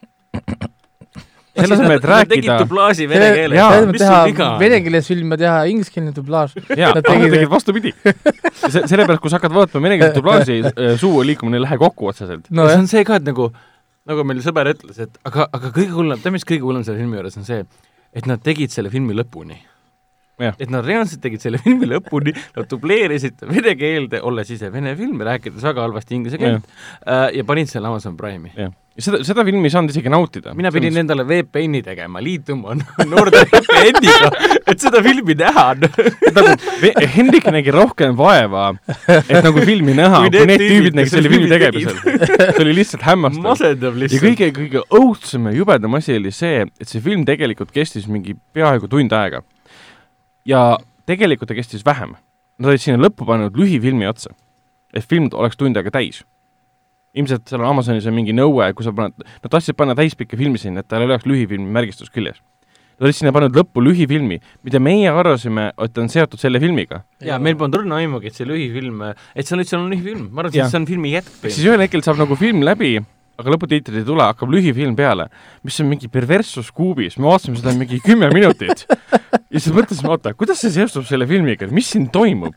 mingi naine röövitakse tänaval ära, seotakse radiaatori külge ja hakatakse, teda nagu igasugustel perverssetel viisidel ühe mehe poolt piinama, kes teda siis filmib. ja me tükk aega vaatasime lollide nägudega seda, oota, kuidas see seostub so Soviet zombie äh, invasioniga ja siis üks meie seltskonna liige, nais, naine siis, oli magama jäänud filmi ajal, kui oli ei, meil, normaalne meil oli meil oli kaks naisterahvast, üks oli magama jäänud äh, sama Steveni, ja teine teises. toas. teine oli teises toas. Nii räägi ja, edasi ja. point oligi selles, et äh, ta jäi magama siis, kui normaalne film veel käis, nii-öelda normaalne. ja ärkas selle peale üles, et mingi oigamine ja mingi imelik äh, niisugune seksuaalne oigamine käib, sest Jah. seal filmi point oli see, et naine röövitakse ta- ja siis temaga tehakse ja, ja ma ma asju. Aru, ja jah. ta ärkas selle peale üles ja vaatas, kuidas mingi viis meest rahulikult vaikuses vaatavad seda klippi ja küsis, oota, mida te teete, kas te vaatate mingit nagu pornot off, või? off-camera rahuldab iseennast ja siis teine tuli teisest toast, et mida te teete siin. siis me vaatasime talle otsa mingi, aga me oleme ammu mõistuse kaotanud juba, me, me ei tea, mis toimub et me olime jumala süüdimatu, me arvasime, et see on selle filmi osa, me tahtsime teada, kuhu see siis välja jõuab, kas see on mingisugune äh, eellugu sellele põhifilmile, aga ei, see oli lihtsalt lühifilm juurde pandud ja. miks me veendunud olime, sellepärast et seesama äh, lõpu, lõpu lühifilm, sealt oli klipp ära võetud ja pandud selle äh, zombi, Soviet Zombie Invasion, Invasioni algusesse. Mhm. ehk siis nagu raamlugu justkui tehtud. Jah. mis on eriti absurdne. jah, ja kõige hullem, see moment lihtsalt, kui me seal istusime seal põhimõtteliselt seitsmekesi ja ühel hetkel sa tabas, sa, sa tajusid ära, et meid on tabanud kollektiivne hullumeelsus. ja lihtsalt sõnu ei saanud suust välja, lihtsalt istusime seal mingi oota, mida me praegu teeme, miks me seda paska ja vaatame? kohati keegi pakkus välja, et me, me, kuna keegi ei olnud guugeldanud mitte midagi, ma arvasin, issand jumal, äkki see on mingi peidetud snuff-film, mis on päriselt üles filmitud mingi inimese piinamisest.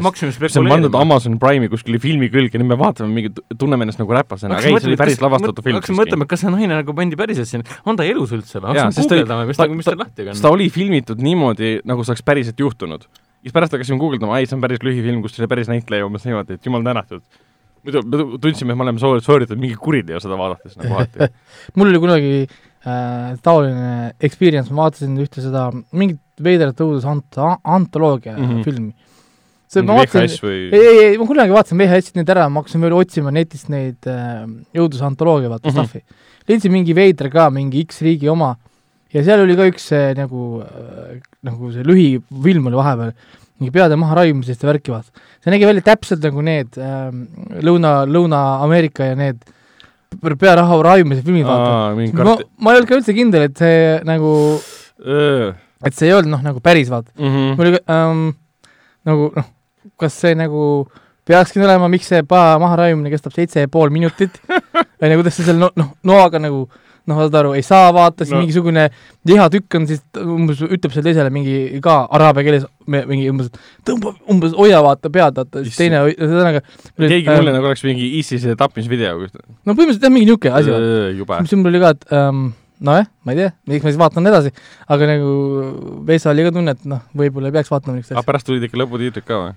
ei, see oli ikka päris see oli mõttes ikka nagu päris asi, sest see läks nagu edasi jah, nagu ilmselt ikka nagu, nagu, aga noh, sest ta nägi nagu nii reaalne välja, et no vot, ja meil oli üsna sarnane kogemus, et see oli, see oli ikka õudus, õuduskuubis. see oli, see oli siis Soviet äh, Zombie Invasion. lihtsalt selle mitte millegagi kokku. aga õnneks kolm filmi neist olid väga head. Mida sa kolme all siis mõtled, Winter of the Dead? Ehk siis kõige esimene asi, millest see kõik alguse sai, üks äh, sõber pakkus seda filmi Winter of the Dead aastast kaks tuhat kaksteist äh,, ehk siis äh, vene indie õuduskomöödia. seda ma olen isegi näinud. oled näinud jah?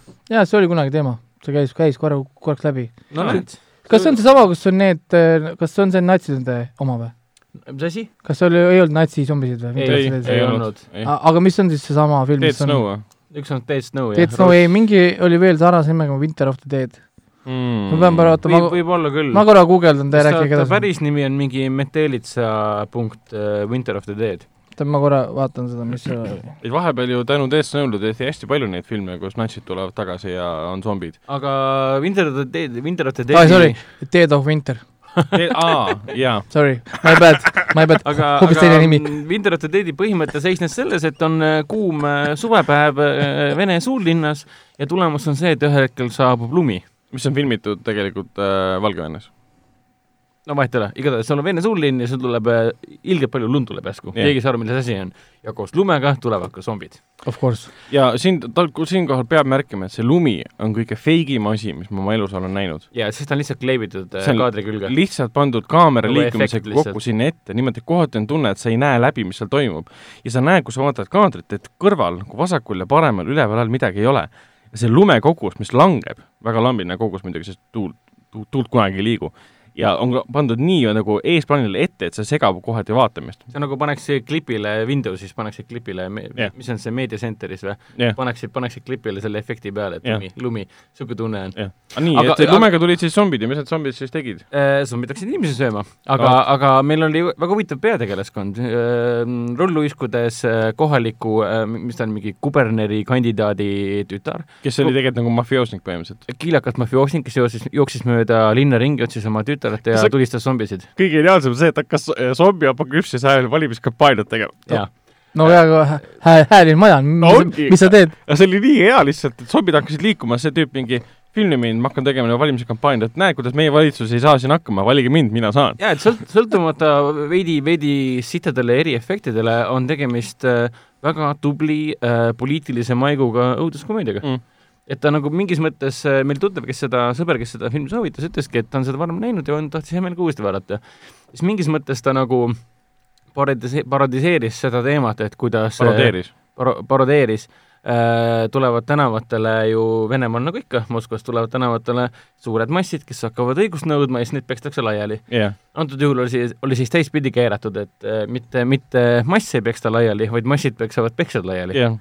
Ehk siis põhi- massid, muutuvad zombideks seal kohati käis läbi ka see, et seal on kogu aeg räägiti sellest, et kuskil platsil on kogunenud protestijad. mm. -hmm. ja need protestijad muutusid siis zombideks.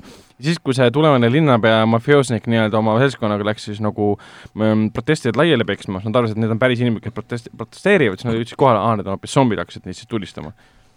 Et äh, kes oli siis peategelane, oli see mafioosnik, siis oli tema tütar, sõitis seal rulliskudega ringi ja siis oli üks äh, noormees, kes äh, pidigi seda protestiaktsiooni nagu kajastama minema ja enamus filmist, pool filmist ongi üles võetud, ongi kaks narratiivi, et üks on see, mis on üles võetud siis kaameramehe poolt, kes pidi seda protesti aktsiooni nagu mm, pealt vaatama või salvestama seda kõike, aga läks hoopis siis selle mafioosnikust linnapea kuberneriga kaasa põhimõtteliselt. Ja teine narratiiv on siis see, mis puudutab seda äh, noormeest, kes pidi seda asja kajastama reporterina ja siis selle mafioosniku tütar. ja muidugi film kasutab ära väga palju ameerikalikke klišeesid, meil tuleb ju kohalik, kohalik äh, nii-öelda Rambo ilmub välja aga see jah. Rambo näeb välja nagu oleks äh, Charlton Copley kehastaks John McClane'i, niisugune tunne oli kohati. aa, täpselt, täpselt. ja siis ilmus kes veel välja? Preester või? jaa, õigeusu preester, aga õigeusu, aa Venemaa, of course, Jaa. of course. Mhm. pikkade juustudega, ju-, juustudega, pika suure ha- võimsa habemega ja kirvega loeb palveid enne ette ja lööb zombisid maha. niisugune tunne, et ma mängin, mängin mingit äh, Massively multiplayer äh, online zombimängu. jah, see oli nii hea vaatepilt lihtsalt, seal oli sihilikult, sa nägid, kuidas režissöör mõistis seda, et see tüüp on äge ja talle lavastatakse umbes niimoodi, kuidas ta hüppab kuskilt kõrgelt kirikuse alla valguse kätte ja teda filmitakse, kuidas ta hakkab siis päid, päid ähm, eemaldama zombide, zombide kehadelt. et see oli, see oli, ta oli naljakas, ta oli jabur, ta oli paroodiahõnguline, aga kõige tähtsam on see, et ta oli lihtsalt äh, lõ-, lõbuga tehtud ja teda, teda oli lõbus vaadata ka. Äh, sellega me siis alustasime ja olime täitsa kindel, et nüüd tuleb põhi vastu, sest noh, pärast tuligi põhi vastu, aga ma olin täitsa kindel, et enamik neist on ikkagi üle, üle käe lastud jura. nii, aga räägime siis äh, viimasest äh, vene, vene zombifilmist äh, Zombie Fever 3D aastast eel, eelviimane kusjuures, viim-, viimasel ajal sa magasid. aga see on, see on Venemaa? aa, oli küll Venemaa oli, küll jaa, Venemaa, jaa, jah. see Zombi- lihtsalt leidis aset Soomes. Zombie Fever 3D aastast kaks tuhat, kaks tuhat kolmteist. ja et ma olin, meil oli viis filmi välja valitud ja me olime täiesti veendunud, et pärast esimest, mida me teadsime, et peaks potentsiaalselt hea olema, tuleb nagu täielik põhi vastu. ehk siis nüüd me sureme, põhimõtteliselt me vaatame põhimõtteliselt rämpsu mm. -hmm. aga tulemus oli see, et teine film on veel parem. aga lihtsalt teise filmi pealkiri on Zombie Fever 3D, mis on nagu täiesti ridiculous pealkiri. sa eeldad täielikku rämpsu. aga tulemus oli see, et see oli äh, täiesti isegi paremate eriefektidega, ikkagi suhteliselt, suhteliselt lambist eriefektidega film, kus teevad cameo rollid äh, Vladimir Putin ja George W Bush ka. jah, filmi lõpus ilmuvad, ilmuvad välja olukorda päästma, zombisid tapma Vladimir Putin ja George W Bush. Nad, nad justkui hintivad sequel'ile ka nii-öelda. ja Jere. filmi üks peategelastest on ka äh, tattoo-laulja.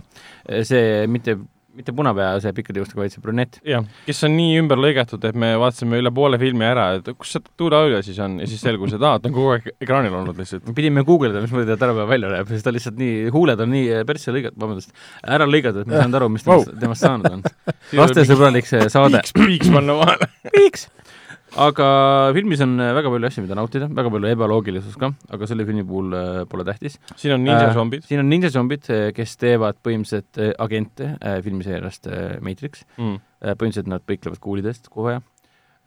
siin on, siin on sellised eriefektid, mis on nagu külgvaates äh, filmitud, nagu vaataks mingit 2D platvormikut põhimõtteliselt, mm. -hmm.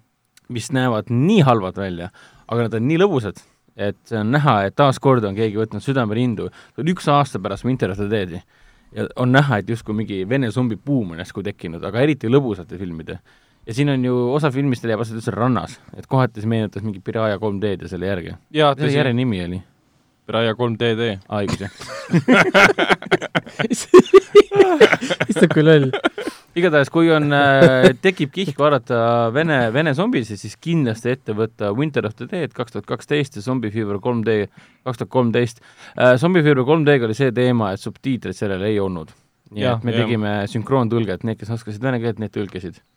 aga kohati see film on ju nii, nii lihtne, et kohati me ütlesime, et kuule ära seleta, see on, on, siin on nohiklik poiss ja siis mingi üliseksikas naine ja üks on nohik ja ta ei suuda temaga rääkida, et see, see ei pea tõlkima. jah, ühel hetkel oli keegi meie seltskonnas tahtis, et teeme pausi, et siis ähm, selgitada ära, mis toimub, ma mingi see on nagu nii ilmselge, mis siin toimub, miks on vaja selgitada seda see üle see on nagu tumm film, siin ei peagi keegi rääkima tegelikult. naljakas aspekt on võib-olla veel see, et samal aastal, kui Zombie Fever 3D äh, tuli välja, kus tegelikult 3D-d ei olnud, välja arvatud üks kaade ähm,, tuli välja ka USA-s näiteks siis ähm, World War Z. Et siin on nagu tasemevahe nagu väga hästi näha, et võib öelda küll, et tegelikult äh, Zombie Fever 3D on palju parem kui äh, War Z. ära jama, ma hiljuti vaatasin seda uuesti, see pole üldse nii halb film.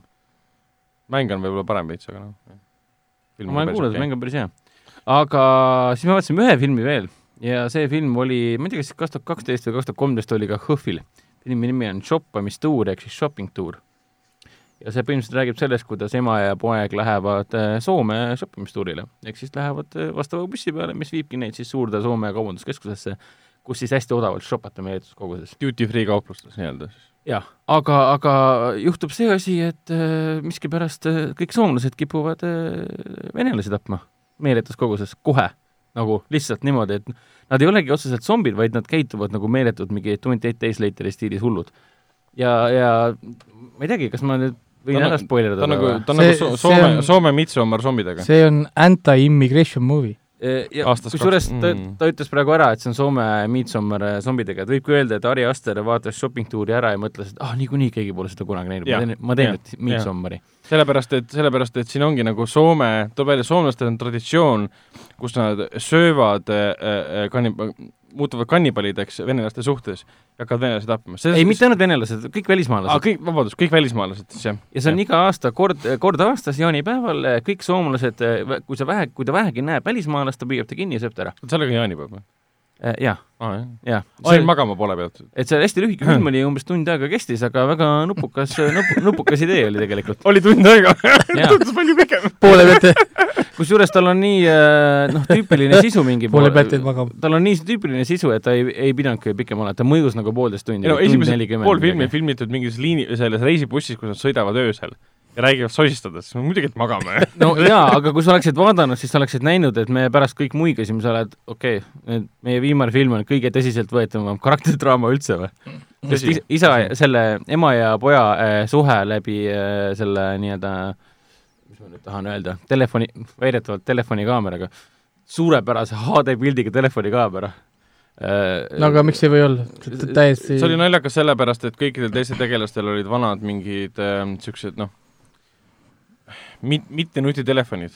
et no ütleme, sa isegi ei mäleta, kuidas seda nimetatakse, selle asja nimi on telefon. lolli, lollifon on selle asja nimi. Ehk siis teisisõnu, sa, sa said aru, et tal on kaamera käes ja ta vägisi püüab me- teiselt, et see Ja on meil- minu, see on minu ja telefon. meile öeldi, et ta filmib mingi Nokia telliskiviga seda. jah. aga jah veits, aga veits veider asi, mida üritati selgeks teha. täitsa niisugune perfektne Hõhvi film, peaks ütlema. no Nii aga äh, nüüd on meil, mis asi meil on, kinofilmid.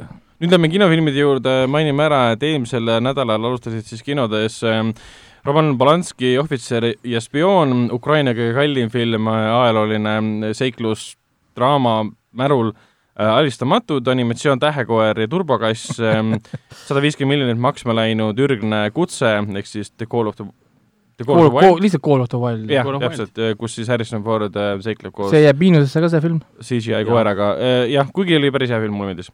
eelmine kord rääkisime ka sellest pikemalt, Nähtamatu mees alustas, mis on siin nüüd väga-väga hästi vastu võetud ja mida siis mina ja Raiko oleme näinud ja kõik kiitsime heaks. täpselt, mina veel kahjuks ei ole. ja siis muidugi Guns Akimbo surmamängud, kus siis äh, Daniel Radcliffe'ile pannakse relvad äh, käte külge ja muutub pultidega, sõna otseses mõttes. pullitakse külge.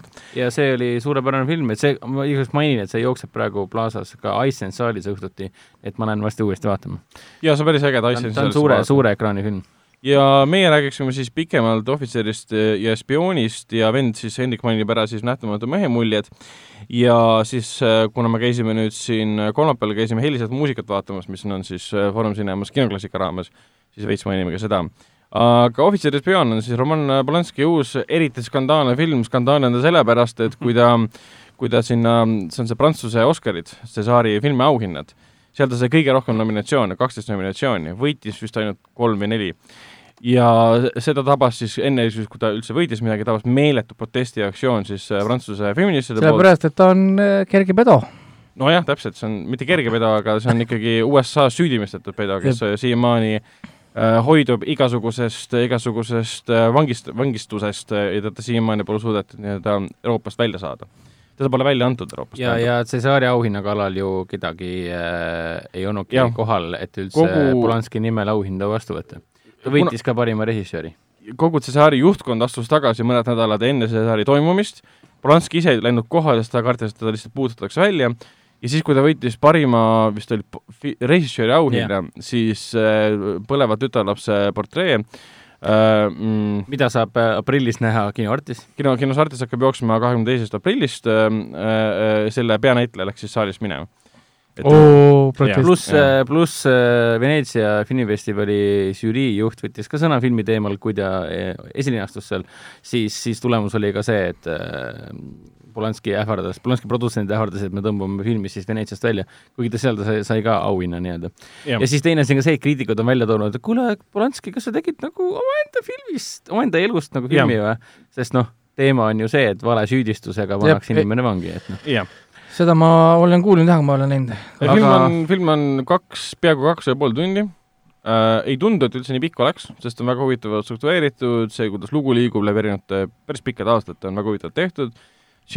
Ma hääldan, ma nüüd Jean Dujardin. butšerdan seda jah, Jean Dur-, Durchin, igatahes jah, see näitleja, kes artistis mängis, Joe, tema mängib siis seda, seda, seda sõjaväelast, kes hakkab asja uurima äh, ja siis äh, Dreyf-, Dreyfusi skandaali ümber see asi käib siis. Ehk siis mees, keda süüdistati riigireetmises, et ta jagas siis saladusi Saksamaa impeeriumile, mida ta siis ei teinud, väike spoiler, aga siis uuritakse välja, kes tegi, seda ma ei hakka spoilerdama, kes seda tegi. väike vihje on see, et äh, ta oli juut ja selles kogu probleem seisneski. siin filmis on ju iga teine lause, iga teine sõna on juut. et on, kõik vihkavad juute, kõik nagu süüdistavad sellepärast teda, et ta, et ta on juut ja põhimõtteliselt. seal on üks stseen ka, kus nii vaatab neid dokumente läbi, erinevaid profiile erinevate sõdurite kohta ja siis vaatab, loeb nimesid ette, siis tuleb Dreyfus mingi, aa, see on see kas ta juut on. juut või mingi aa, võtab tema välja, tema vist süüdi, paneb eks kõrvale. võtan, ma võtan tema või hakkan kohe lugema, kuule tema küll. ja, teine korduv asi, mis sealt läbi käib, on see juudi vandenõu, mis on praegu ka maailmas eksisteerib, see on kõva- vandenõu. jaa, see käib konstantselt käib see läbi, kui keegi, mida keegi väidab, et Dreyfus pole süüdi ja kui ta kohtu alla jõuab, et kust raha tuli tema toetuseks, kõik ütlevad, selle taga on juudi vandenõu, juudi, juudi kogukond toetab teda. ja see oli päris, päris naljakas ja film tegelikult oli kohati päris hum-, humoorikas ka. ehk siis siinkohal tasub öelda, et Ohvitser ja spioon on hea film. jaa, et kui si-, kui si- sulle väga korda ei lähe nagu ajaloolised filmid, mis, mis nagu taasloovad juba toimunud sündmuseid ja arvad, et see tõenäoliselt on väga igav asi, siis tasub meelde tuletada, et tegemist on Polanskiga. ja see muudab kohe asja palju paremaks. ja teine asi ka see, et äh, filmi äh, stsenaariumi autor on nii Robert Harris kui ka Roman Polanski. Robert Harris on siis see Briti kirjanik, kes kirjutas samanimelise romaani Officer and the Spy ja Robert Harris on see tüüp, kes kirjutas ka selle The Ghost'i, minu meelest inglise keeles The on Ghost Writer. Ghostwriter, ehk siis mille põhjal samuti Polanski tegi filmi. ehk siis äh, mulle see Ghostwriter omal ajal väga-väga meeldis ja ohvitseri, ohvitseri ja spiooni vaadates sa tunned selle äh, sellise nii-öelda süsteem, süsteem, süsteemse äh, stiili äh,, Polanski stiili ja Robert Harrise stiili tunned kohe ära põhimõtteliselt. film on põhimõtteliselt Selline- äh, hästi palju kaadrit sellest, kuidas dokumente läbi vaadatakse ja inimesed omavahel räägivad. ja, ja, kõige huvitavam see, et kuidas äh, nagu sellele augule lähenetakse, et ei, hüpata auku kohe, et oleks see mingi Ameerika film, oleks see kindlasti see, et noh, juute ta-, kiusatakse taga ja mm. teeme siin Ameerika paatost ja kõik on äge ja aga siin on hoopis see, et mingi, kuule, ma tegelen oma eluga, siis aa oh,, kuule, siin on mingi imelik vastukäivus, mis, kas kas Dreyfus ei olegi süüdi või, kuskil pool tundi Mm. filmist möödas mingi, Mm. äkki ma nüüd tegelen filmi sisuga, et noh, see on palju huvitavam jälgida, mis tegelikult äh, tol ajal äh, Pariisis äh, toimus tegelikult sõjaväelistes ringkondades ja kuidas omavahel suhtuti. ta on räme meeste film muidugi. pärast oli niisugune tunne ka, et ma kasvatan endale suured vuntsid ette ja hakkan väga palju suitsetama ja konjakit jooma. kõik suitsetasid konstantselt kogu aeg seal ja film on väga tume ka, kohati niisugune tunne, et ma hakkasin kissitama silmi, et mis toimub, kuule, Polanski, sul on värv no, kusjuures muutus aina, aina nagu tumedamaks, mida rohkem nagu lugu arenes nii-öelda sügavustesse, et saada aru, kes on milles, milleski nagu süüdi selle no, koha pealt. siis see film võiks kandideerida DC universumisse täitsa vabalt. jaa, seda küll. ühesõnaga, kui suudad, suuta nagu mööda vaadata sellest, mida on Roman Polanski teinud, siis on see film väga hästi tehtud aga ikkagi mul tekkis see selline mingi, mingi dilemma selle koha pealt, et, et, et kui meie käime seda, neid filme vaatamas, mida on tema teinud, me ju toetame tegelikult sellega seda tema, tema te, tegusid selle koha pealt, me tõestame, et me, me ei, anname andeks, sest ta on hea, hea režissöör. no aga siin on äh, küsimus, kas see, mis ta tegi, on kuritegu või mitte? no Eestis ei oleks olnud see kuritegu. aga USA-s, kus ta seda tegi, on see, on kuritegu ja ta on süüdi mõistetud selle eest no, no mina, jah, mina, mina aga, olen sellega okei okay,, et ta on süüdi, süüdi mõistetud. aga siin on nüüd, siin on nüüd sama loogika tuleb näiteks need inimesed, kes mõisteti näiteks äh, kanepi suitsetamise eest äh, kinni näiteks aasta aega ennem seda, kui see oli legaalne mm., siis nüüd on meil situatsioon, kus inimene on legaalse asja eest vangis. saad aru, et siin, see ei ole nagu nii äh, noh, nii straightforward ja kas sa siis ka väldiksid kedagi, kes näiteks kaks tuhat, ma ei tea, viis põgenes kanepsüüdistuste eest, täna see on näiteks legaalne mm.. kas ta, saad aru, teoreetiliselt on ju põgenik, aga nagu noh. aga alaealisega magamine ei ole siiamaani legaalne. no jaa, aga Euroopas see on ju. no jah Euroopa on hukule määratud ka. no e Eesti, Eestis ka ju, et äh, oled äh, neliteist ja pool ja siis on jumala savi, et mine, mine reibi mu tütar ära, on kõik noh eks tütart wow. ikka, tütart ikka või? kuule, piibita ära see välja. oleks praegu liiga korviks vaata ei, päriselt ka lõika välja. vaata, et see, ja nüüd on meil see mõju, kuidas, mis juhtub, kui te vaatate Polanski filme. jah, täpselt, et, et äh, jah, Polanski on kõiges mm. süüdi, nagu ta on äh, rikkunud minu kauni, kauni noorsuse. nii, aga nüüd ma, nüüd räägiks Nähtamatu mees. Jah, ähm, Hendrik, kuidas on Nähtamatu mina räägin seekord sa rääkisid juba ju? ei, eelmine kord peale mina... podcast'i mina Aa, läksin kinno. mina olen juba kui, rääkinud, mina olen oma heakskiidu andnud, Raiko tuli kui, pärast kino, kirjutas arvustuse ka. kui kuradi Ragnar äh, läks, läks koju, sest põrand on sest, sinu. sest tal oli äh, Ragnar läks koju, tema ei taha õhtuti kinos käia sest ta oli väsinud olin, olingi. jah, aga oma viga, sest äh, Nähtamatu mees on äh, üheksa punkti film jah, see on, kõik nõustuvad sinuga, mulle tundub. ja ei, nagu kohe alguses, kui saali istud ja ma jõudsin mingi kolmkümmend sekundit isegi veel varu äh,, kohe hakkab film pihta. nagu ja nagu, nagu hakkabki nagu, nagu niimoodi pihta, et sa jäädki istuma, ma ei, ma ei saanud jopet ka ära, ära võtta, sest film oli kohe nii pingeline, et sul oli isegi moment, et nagu mm -hmm. saaks nagu jope normaalselt ära võtta. noh, ja, ja esimesed, ma ei tea, kaua see kestab, seal kümme-viisteist minutit, siis on korraks niisugune moment, et voh, oh, uh, ma saan nüüd hingata ja umbes, et äh, jope ära võtta, on ju. jaa, see oli hullult pingeline. jaa, ei, väga hästi, kohe, issand, kas, kas tõesti nagu noh, ma olin juba kohe ja siis, siis hakkab nagu film nagu pihta ja tegelikult ta ei võtagi tegelikult kordagi hoogu maha. vaid, vaid ta nagu panebki niisuguse nagu mõnusalt lõpuni välja, aga, aga, aga veider oligi see, et sa vaatad, ta on nagu kolmes osas on see film ja siis no nagu klassikaline film ikka, on ju, sul on esimene, teine ja kolmas osa mm, -hmm. äh, film on jaotatud kolmeks, aga siin on see, et žanrid, žanrid muutuvad, ehk siis ta alustab kui lihtsalt klassikaline õudusfilm, selles mõttes lihtsalt kõik on noh, nagu noh, põhimõtteliselt oleks umbes nagu äh, kummituslugu. no vaataks nagu Paranormal Activity't, sest noh, asjad juhtuvad, sa ei, noh, sa ei tea, kes, kas seal on keegi, noh, seda on niisugune noh, nagu no, kindlasti mängitakse sellega, et kas see on inimese kas keegi, kas keegi on nurga taga umbes või ei ole nurga taga või noh, niisugune nagu õudusfilm. siis teine, see kes-, keskmine osa on võib-olla isegi kõige huvitavam osa, on see psühholoogiline osa mm -hmm. kus kohas on siis see see põhiline osa nii-öelda. kus kohas see Cecilia siis äh, põhimõtteliselt hakkab ära keerama, sellepärast et see on tema, tema nähtamatu endine boy, boyfriend, kes peaks olema surnud, teda terroriseerib. keegi teda muidugi ei usu, on ju, mis on ka loogiline, miks peaks keegi teda uskuma, on ju.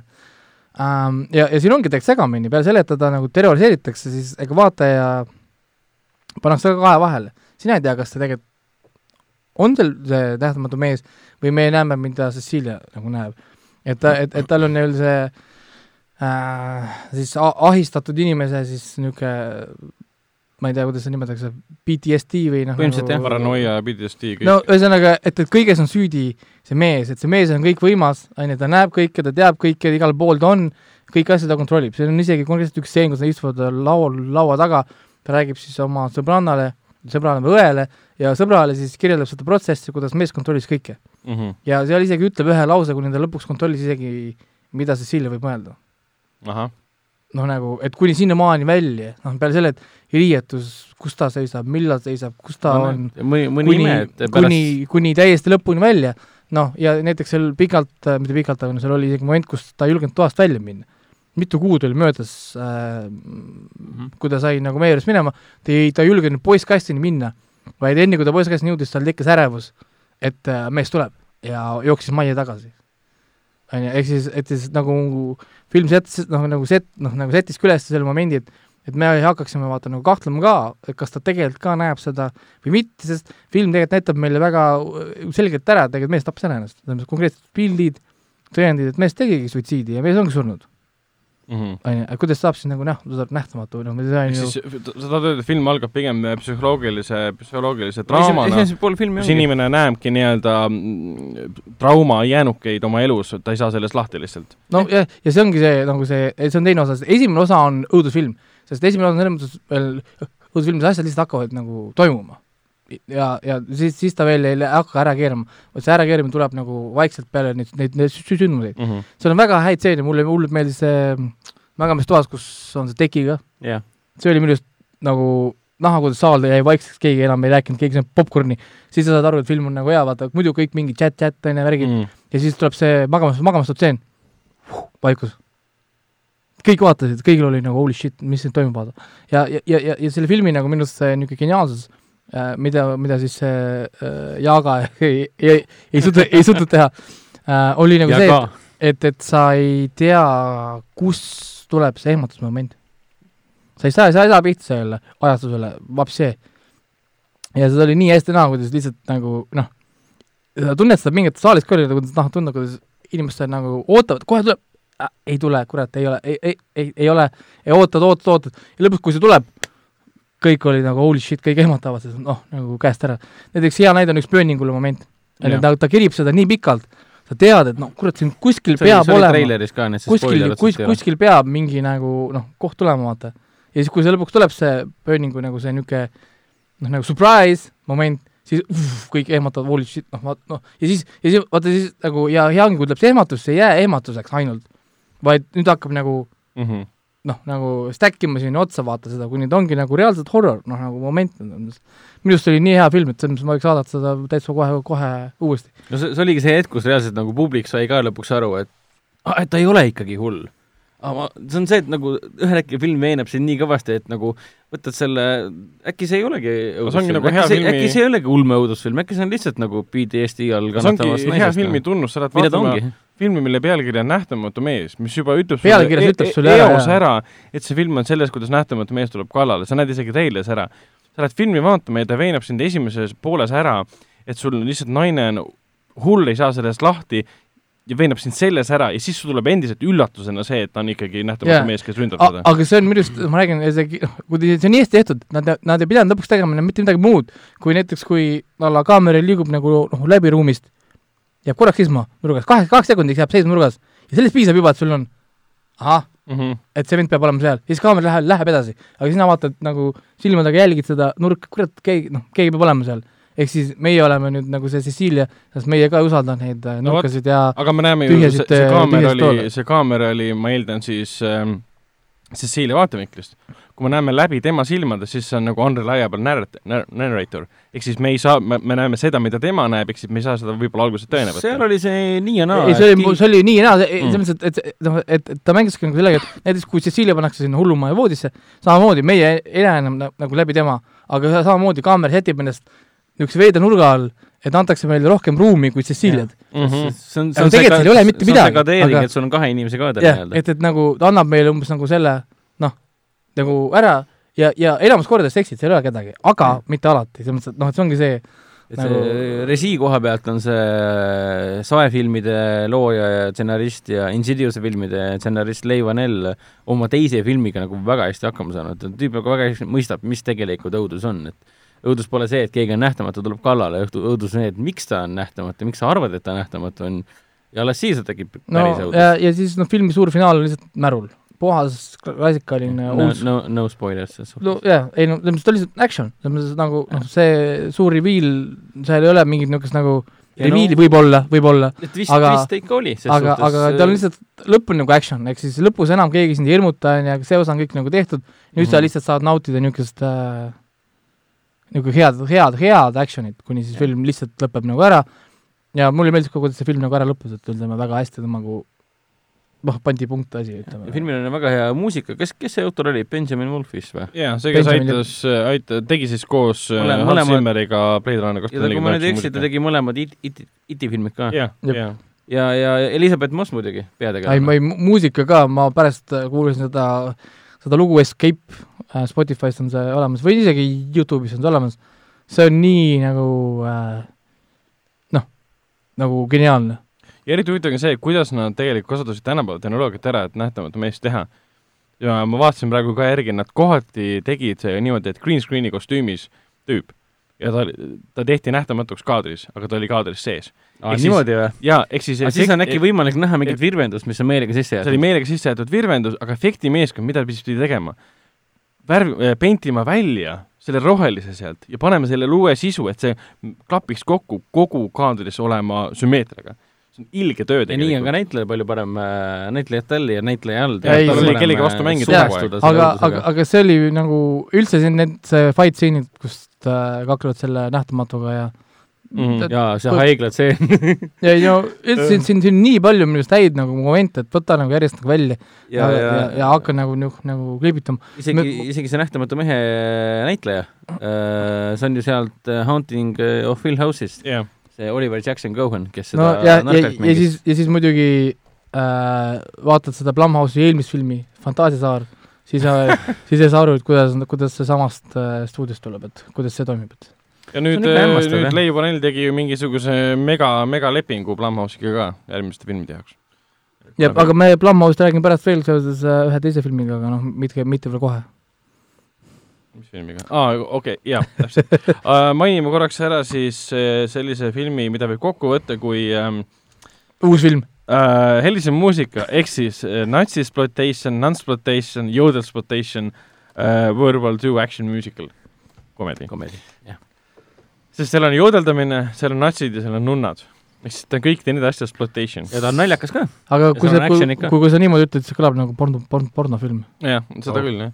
seal on üks kõige, kõige kurvem moment selle helisema muusika juures, väga klassikaline film muidugi ja kestab üle kahe tunni ja neljakümne minuti äh,. kõige kurvem moment on see, et kui see perekond Von Trapp hakkab ära põgenema oma kodust ja natsid äh, satuvad neile, mitte satu-, ootavad neid ja panevad ühel hetkel tuled põlema, et seal ei olnud seda lauset, keegi ütleb, et vaatab nende poole, et I did natsid is coming.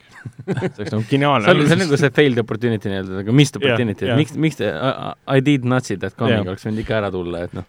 aga siis, mida, mida ütleme helisema muusika kohta, seda oli vapustav vaadata niivõrd suurelt ekraanilt nagu seda Nicence'i saal. ja, ja filmi koopia oli ju 4K-s, et on ju restaureeritud äh, kas oli enne 4K või oli 2K? 4K, 4K. raudselt 4K Jah.. ma, ma tean, ma, ma Ja- tean, ma töötan ja- seal kinos. tead? jaa, ohoh, ei reaalselt, see, kuulsite siin esim-, esimesena, Hendrik töötab Foorum Cinema's kinos. jaa, ei meil oli see eraldi isegi välja kuulutatud, need, kes teavad, mis see on 4K, need teavad, et äh, see oli, seda oli lust vaadata, alati mul on see, et mingi vaatad mingi kuuskümmend aastat või viiskümmend viis aastat vana filmi mingi, miks see nii hea välja näeb nagu, täitsa lõpp noh. Ja teine asi ka muidugi see on see et nagu miks, miks see film on klassika, on ka sellepärast, et laulud lihtsalt nii hästi esit-, esitatud. kui sa vaatad praegu neid uusi, mis on tehtud Disney poolt näiteks ähm, Beauty and the Beast ja nii edasi, need laulud mõjuvad nii ähm, digitaalselt muudetuna, nii tehislikuna, ei no need ei ole mõle- nagu päris laulud mõjuvad enam. stuudiolauludele. täpselt, ja sa vaatad seda, nagu päris laulmine, päris tunnetus, emotsioon sisse jäetud. aga mõnikord on tänapäeval ka erandeid, et No võtame, võtame siin näiteks La La Land veel kuidagi, aga näiteks minu, minu isiklik lemmik, aga väga vigane lemmik nii-öelda on ju Greatest Showman. need No. laulud on tegelikult väga ägedad, väga vinged laulud. Le Miserable ka ju. no Les Mis ka muidugi, jah ja,, absoluutselt. seda küll aga mis me oskame Elismaa muusika kohta veel öelda? no minge kinno märtsikuus igal kolmapäeval Coca-Cola Plaza's saab näha. uus film täiesti jah, värskelt tehtud just kaks tuhat kakskümmend. just, eile, üleeile valmis, et aga järgmine seanss on Luksi saalis, nii et saab nautida teistel seanssidel ei ole filmikriitik Andrei Liimeste seal rääkimas filmist kahjuks. ja meil on jäänud esilinastus selle sisse, sisse juhatada. esimesel ta käis ja rääkis hästi pikalt ja põhjalikult, kuidas kriitikutele omal ajal see ei meeldinud üldse, aga siis rahvas armastas seda filmi, kriitikud hiljem hakkasid oma seda armastame muidugi jälle, aga mida te ei maininud, oli üks huvitav tõsiasi, mida mulle äh, Hendrik pärast rääkis, oligi see, et Christopher Plummer, kes siis mängib seda Von Trappi, selle isa kaptenit, oli peaaegu kogu filmi aja siis meeletult purjus, sest ta arvas, et äh, vihkas seda rolli. kas just meeletult purjus? Okay,, aga, aga pärast me Andreiga rääkisime ja et äh, ja siis ta rääkis mulle ka, mida ta veel mõtles äh, rääkida seal äh, saali ees, aga noh, kõigest ei saa rääkida, seda liiga kaua aega lihtsalt aga ütles jaa, et Christopher Plummer äh, võttis asja väga tõsiselt, ütles, mis asja, ma nüüd siis teen nii roosamanna filmi ja ma rikun oma karjääri põhimõtteliselt ära, see oli tema arvamus. aga ta oli ikkagi nõus ja siis põhimõtteliselt iga kord, kui asi läks liiga roosamannaks, siis äh, filmi režissöör Robert Wise nagu vaatas, jälgis silmanurgas kogu aeg et kui Plummer hakkas äh, silmi pööritama, siis on okei okay,, nüüd on liiga rosavam, nüüd on vaja alla tõmmata, muidu näitleja läheb närvi ja nii edasi. pluss ta kippus jooma võtete ajal ka. et teatud kaadrites on näha, kuidas ta silmad läigivad? seda on näha põhimõtteliselt, peamiselt ainult äh, viimases äh, selles suuremas stseenis, kus nad teevad seda natside eest põgenemist. aa, seal Sal-, Salzburgis, kus nad laulavad? pere, perekonnalaul, laul nii-öelda, ükshaaval siis lähevad sa-, sealt lavalt minema. ja seal on näha, kuidas ta ebamääraselt naeratab ja siis silmad läigivad natukene et, et aga noh, pärast seda ta muidugi, film oli ju meeletu hitt tegelikult, mis ta oli, mingi peaaegu et mingi kaheksa kuud oli vist kinodes. jah, ja inflatsiooni sisse arvestades on ta siis kõigi aegade teeninud, teeninud film, mis kolmandal kohal oli. et noh, selles mõttes, et Plummer sai päris korraliku protsendi sealt, ma arvan, et ta sai siis noh, ikkagi öelda, et ma olen, ma olen rahul oma eluga. kusjuures ma olen päris kindel, et see on ka äh, ainus film, mida ma olen näinud, kus Plummer on noor sest muidu minu silmis Plummer ta on ainult vana mees. alati vana. ja see on nagu, see on, see on nagu kui James, James Bond kõrvale jätta, siis see on nagu see Sean Connery. jaa, Sean Connery on alati vana. või siis nagu Morgan Freeman. jah, või siis no, Ma-, Max von Sydow, ta on alati vana, välja arvatud see seitsmes Spitzer. Kurt Douglas on alati vana olnud no,. ta on mingi poolsajandit pensionär selles mõttes, aga ta ongi jah. oli, oli pensionär. kuuskümmend, viimased kuuskümmend aastat on see mees oli vana no. või siis Christopher Lee nagu, ma need vanasid Draculaid nii hästi enam ei mäleta, aga kes neid üldse enam mäletab, aga enamik ajast sa vaatad mingi, jaa, ta on, ta on vana. vahet pole, mis filmis ta on, ta on alati täpselt sama. no nii, aga nüüd on meil uued filmid. räägime uutest filmidest, mis sel nädalal kinodes alustavad, ma loetlen nad üles, et üks ongi siis Jaga Sünge metsa õudus, see on siis vene vene õudusfilm, siis alustas ka uus Eesti seksikomöödia, mis põhineb siis Austraalia filmil The Little Death vist oli? jah noh, siis Eesti versioon sellest nagu remake, äh, asjad, millest me ei räägi, siis hakkab siis Olivier Assayase uus film ähm, Kuuba võrgustik, äh, kus siis Penelope Cruz ja äh, Hendrik aitab mind. kes see teine mees oli? Edgar Ramirez. Edgar Ramirez äh,. see on huvitav muidugi, et Assayasel alles hiljuti oli Artises üks film, Kaksikelu, et tüüp toodab järjest filme ja ta palkas peaosade selle, sellesse filmi kõikvõimalikud näitlejad, kes on üles astunud narkose seriaalides äh,, Oliver Ayes kuna, kunagi tegi sellest Carlosest eh, fi-, eh, filmi, mis oli neli-viis tundi pikk, kus oli ka see Ramirez peaosas. no ta põhimõtteliselt võttis need kõik, kes on vähegi latino jah, kes on vähegi olnud narkoseriaalides, filmides ka. ja siis alustab ka siis eh, Jane Austini romaanil põhinev selline võrgutav krutslik komöö-, ajalooline komöödiadraama Emma, see tundub väga lahe, sest peaosas on Anya Taylor-Joy ja teine peategelane on ju äh, Bill Nighy. mis, mis on selles mõttes huvitav, et Anna Taylor-Joy on siiamaani teinud äh, õudusfilme kogu aeg. jah, First või no millega ta on silm silma paistnud. jah, ta on silma paistnud, jah. mis see oli, oli First Mutants või? ei, tal oli Witch. New Mutants. New ja Mutants Witch oli ka. Witch ja siis ta tegi seda ja Splitti veel. ja siis äh, ta ju mängis selles, jumal, Ridley Scotti pojafilmis ka ju aa ah,, see, mitte ema, Morgan. Morgan, jah. ja Morgan, jaa, õige, Morganis oli ka, jaa. see oli nii halb film aa, mul jäigi see film pooleli, ma pole seda lõpuni vaadanud. ma olin pressilinastusel, läksin pooleli minema. Morgan oli jumala fine, ma ei ütleks, et see oli halb film uh,. minu jaoks oli ta lihtsalt nii surm pole näinud, nii et äh, ei, ma, mm, ma pressikal vaatasin ja ma pole siiamaani lõpuni täiesti okei okay,, täiesti, täiesti normaalne film. ma ei tea, jaa, no mingit auhinda ma ei annaks, aga järe, järelikult samas, samas Raikert ei saa praegu väga tõsiselt võtta, sul on, sul on särk seljas, kus on äh, Devil's Hunt, mida ma üritasin mängida kakskümmend minutit ja ma pidin kinni panema, sest see oli ikka kohutav aa, ah,. see on Jaa. see mäng või? aga aga, aga David Huntiga ongi see, et see anti mulle sellepärast, et ma mängisin seda, mängisin seda mängu, et ma kirjutaks sellest mängust, aga kuna mäng oli nii halb, siis ma leppisin selle mängutootjaga kokku, et ma ei kirjuta. aa, okei okay,, see on päris aus. See on, see on tõesti, tõesti jah, nii et mis õigusega ütled, et Raikot ei saa tõsiselt võtta ei? saab küll tõsiselt, vabandust, ma võtan kõik oma sõnad aga, aga millest me siis alustame asjadest, millest, me mainime, mainime veel okei. selle, et see alustab ka siis äh, Pixari uue filmi mm, Edasi, Onward mm, eellinastused. Artisesse jõuab ka siis ähm, film nimega Monika, mis on siis ähm, Ken, Ken Saani ja ma kohe ütlen selle teise autori nime, et ma valesti tema nime ei ütleks. Steven Hristo Evestus. täpselt, ja see on siis ähm, kuulsast äh, Eesti äh, tippadvokaadist, kes nüüd on äh, pensionil Monika, Monika Mägi. ja mis ma siia veel kirja panin ah,, ma tahtsin välja tuua veel selle, et ähm, kino, kinosõpruses innustub nüüd see nädal selline film nagu Inherent the Viper äh,, mis on siis Josh Hartnetiga selline USA väikelinna lugu, kus kõik tegelevad narkokuritegevusega ja tahavad sellest elust äh, välja saada ma olen seda filmi näinud, ma soovitaksin seda kindlasti vaadata inimestele, kes fännavad näiteks äh, Out of the Furnace'it äh, ja mis üks, üks film oli veel, mis ma Sweet Virginiat mainisid. Sweet Virginia, mis oli, mis on Netflixis ja oli PÖFFil äh,, kus John Benton mängib näiteks. aga jah, ja Pühendus Saama tuleb ka sõprusesse, ma avastasin, see oli Kas siis sa-. For Saama, mis oli DocPointil ka kas sa mainisid ka naist või? äh,. aa, Naine jäi vahele, Naine tuleb ka kinodesse nüüd, see linastub kõikides kinodes see. on see dokumentaalfilm, jaa, dokumentaalfilm, kus erinevate naiste erinevate sellest, ma olen sellest mingi kakskümmend, kakskümmend viis uudist juba teinud, nii et äh, Jah. kahe, kahe tuhande, ja kahe tuhande erineva naisega räägiti juttu ja tehti niisugune rahvusvaheline ülemaailmne filmiprojekt vahe, põhimõtteliselt. vahelduses nagu dokumentaalfilm, mis ei ole nagu klassikaline dokumentaalfilm, mis on päris tore. ma vaatasin, vabandust, pressilinastuse selle algust ja see oli väga kõva. Kindlasti peab ära mainima, ette kuulata juba selle, kinos Artis alustab kaheksateistkümnendal märtsil dokumentaalfilm Meie maa, mis ei ole ka klassikaline dokumentaalfilm. juba sellepärast, et ta kandideeris kahele Oscarile, see on rekord. Üks See- dok-, üks dokumentaalfilm pole kunagi kandideerinud nii parima võõrkeelsele filmile kui ka siis parima dokumentaalfilmile. see Akadeemia on ikka naljanumber, okei okay.. no jah, aga see on Põhja-Makedoonia film ja räägib siis äh, mesinikust ja vanast mesinikust. ma isegi tean, ma olen sellega isegi kursis täitsa. aa, no vot, vot, vot, siis, siis ma kindlasti soovitan silma peal hoida, piletid on müügis, saab kõik see ära osta juba ja vaatama minna. Ma tahtsin ju mainida seda, et alles hiljuti ma vaatasin äh, veits äh, sellist filmi nagu Lucky Numbers Eleven, mille peaosas oligi äh, Hartnett. Hartnett, seal mängib ka Morgan Freeman, Ben Kingsley ja seesamune Bruce Willis. Ehk siis ma taht-, tahtsin öelda seda, et äh, mis juhtus, Josh, kus sa kadunud oled, sa oled ju väga andekas, äge näitleja. miks sa enam äh, nagu üldse nagu aga teema ei ole? kirjuta talle Twitterisse ja küsi. Teen oma Twitteris siis viienda postituse ja panen tag'in Josh Hartnett ära. ei kirjuta talle kirjuta talle otse mingi kuradi Messengeri sinna. vaata, kirjutab sulle vastu, et don't at me. mida? Don't at me. Don't at me. aa, Don't at me. Jah. aga, aga jaa, ei tüüp oli ju jumala äge nagu Dirty Days of Night nagu on suurepärane film. aa jaa, see oli päris äge, see oli tõesti äge. nii, aga räägime aga siis asjadest, mida me pikemalt siis äh, seksikomöödiast äh, asjad, millest me ei räägi, seda filmi on meist äh, näinud ainult Raiko. Ja meie, meie vennaga ei julgenud vaatama minna. Ja. me veel ei julgenud, sest äh, me oleme need sest, eestlased, kes seksist ei räägi. see on äh, mulle meeldib Ananass, vennal ma selles mõttes väga pikalt ei taha sellest rääkida, sest esiteks on E- Eesti filmist on koopia.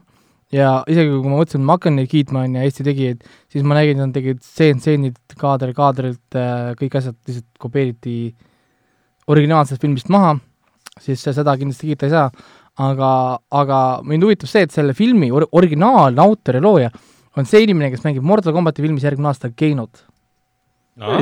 jah, Vau. ehk siis ehk siis see inimene, kes hakkab Mortal Combatis, kes ei tea Mortal Combatit, on ju, Mortal Combat on kergelt verine äh, kergelt verine. jah, kergelt verine frantsiis äh,, siis ta mängib seal ühte nagu karakterit, siis see mees on, kes kirjutas siis äh, magamistubadest ja seksist ja armastusest ja värki. Ja see on tema karjääri kõige edukam asi, mis ta siiamaani on teinud.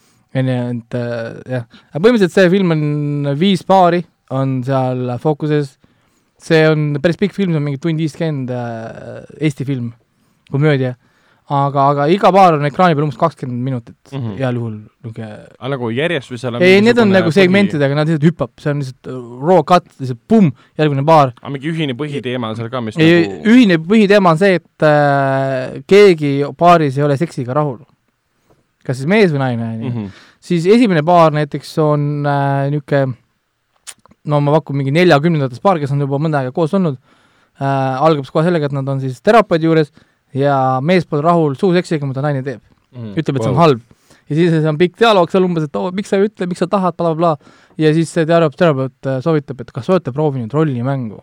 see on siis see Jan Uuspõld ja mis iganes see, ma ei tea Eesti näitlejaid nimesid, ma võib-olla vabandan ette ähm,. ja, ja siis nad proovivad rollimängu, esimene rollimäng läheb neil hästi, siis naine ütleb mehele või siis noh, Uuspõllule, et issand, sa oled nii hea näitleja, sa pidad hakkama näitlejaks. ja siis Uuspõllu, et Väike metanali. äh, see Uuspõllu karakter Tom võtab seda nii tõsiselt, et hakkabki nüüd tõsiseks näitlejaks tahab hakata. Ah, ja, ja siis kogu huumor tulebki sellest, et kui nad rollimänge teevad, ta võt-, võtab rollimänge liiga tõsiselt.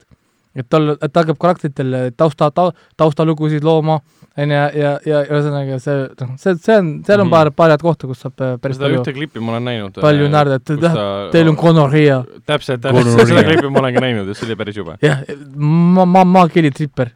kusjuures ma tahtsin küsida seda, et miks on Austraalia filmi nimi The Little Death, see on, vihjab, vihjab nagu mingile kurvale, tõsisele Aa, sa ei tea või?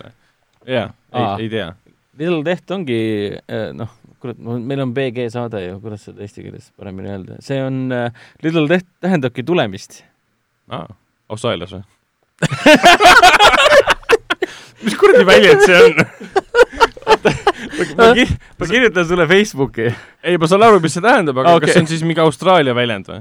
aa, ei, ei, ei, ei, Inglisekeelses see on maailmas. üldtuntud väljend inglisekeelses maailmas, seda see tähendabki. on või? Te kõik teadsite seda enne või? väike surm, Little Death, jaa, jaa, jaa, jaa, see on, ahah, jaa. okei, ma saan aru, jaa, surmad on siin, ma ei tea, vot see on nüüd see ei, no sa ju, sa ju tapad. Et see on ju kui see,, kui sa, kui sa ei, ei, ei eosta, Jumal siis sa tapad. mingi pro, pro-lifer oled või? jumal küll, jaa, ma olen pro-lifer. see on sama, millest ma a- alustasime, et eestlane ja seks ja siis on kõik lihtsalt, mis asja, kus kohas, piip, piip, pange saade kinni, mis ropendavad siin noored, lõpetage see jutt ära. millest te räägite, me, meie teeme ainult saunas niisuguseid asju, kurat. Et ja, ja, ja no põhimõtteliselt ja, ja siis on siin, oota, mis see oli, siis on siin üks paar, kus, kus naine tahab, et teda vägistatakse, ta kirjeldab, et äh, ta ei taha teada, millal, kuidas või kas see isegi tema mees on ja, ja siis see mees siis terve film või noh, terve see nende segment proovib siis seda naist vägistada issand jumal küll. nagu reibi fantaasia või? äh,. jah, tal on täitsa korralik nagu äh, vägistamisfantaasia, siis ta proovib seda nagu täiesti täide viia siis naise jaoks. aga kes see, kes see mängis teda? Pole õrna aimugi, need on Eesti näitlejad. mitte see venelanna vist või? Ekaterina ei, ei, ei, see aa, see oli see, kes nutmist armastas. Jaa. jaa. äh, kolmas, kolmas paar on siis äh, noorem paar, kes proovib last saada ja nemad siis proovivad eostada igal võimalikul viisil, nad teevad kohe mitu korda päevas igas võimalikus positsioonis, aga naine ra- ra- rasedaks ei jää. siis naine käib äh, enda arsti juures siis abi küsimas või noh, ideesid küsimas. Siis arst, arst ütleb talle, et kui mees ja naine saavad koos orgasmi, see suurendab tõenäosust äh, laps saada. ja siis naine teeb suured näod, mis asja, mis asja ma pean saama? onju, ja siis ta läheb koju, ütleb, et peab saama orgasmi nagu ja mees, kas sa saad kogu aeg, siis naine, ah okei okay. onju, ja, ja, ja siis juhtub asi, et mehe isa, isa, isa sureb ära. saab telefonikõne, mees hakkab nutma, siis naine avastab, issand, ta pole varem nutnud, pisarad ja värgid. ja see ajab naise väga pöördes saada. ja, ja sellepärast, et nägi oma meest nutmas. ja sealt edasi ta proovib oma meest iga kord uuesti nutma ajada. terve film siis sibu, sibulatega ja proovib, tahab ta koeri ära röövida, paneb surnud isa, isa pilti igale poole, et mees pidevalt nutma hakkaks, sest see hullult erutab seda nagu naist. et see on päris crazy seal, aga, aga kes seda see meest mängib?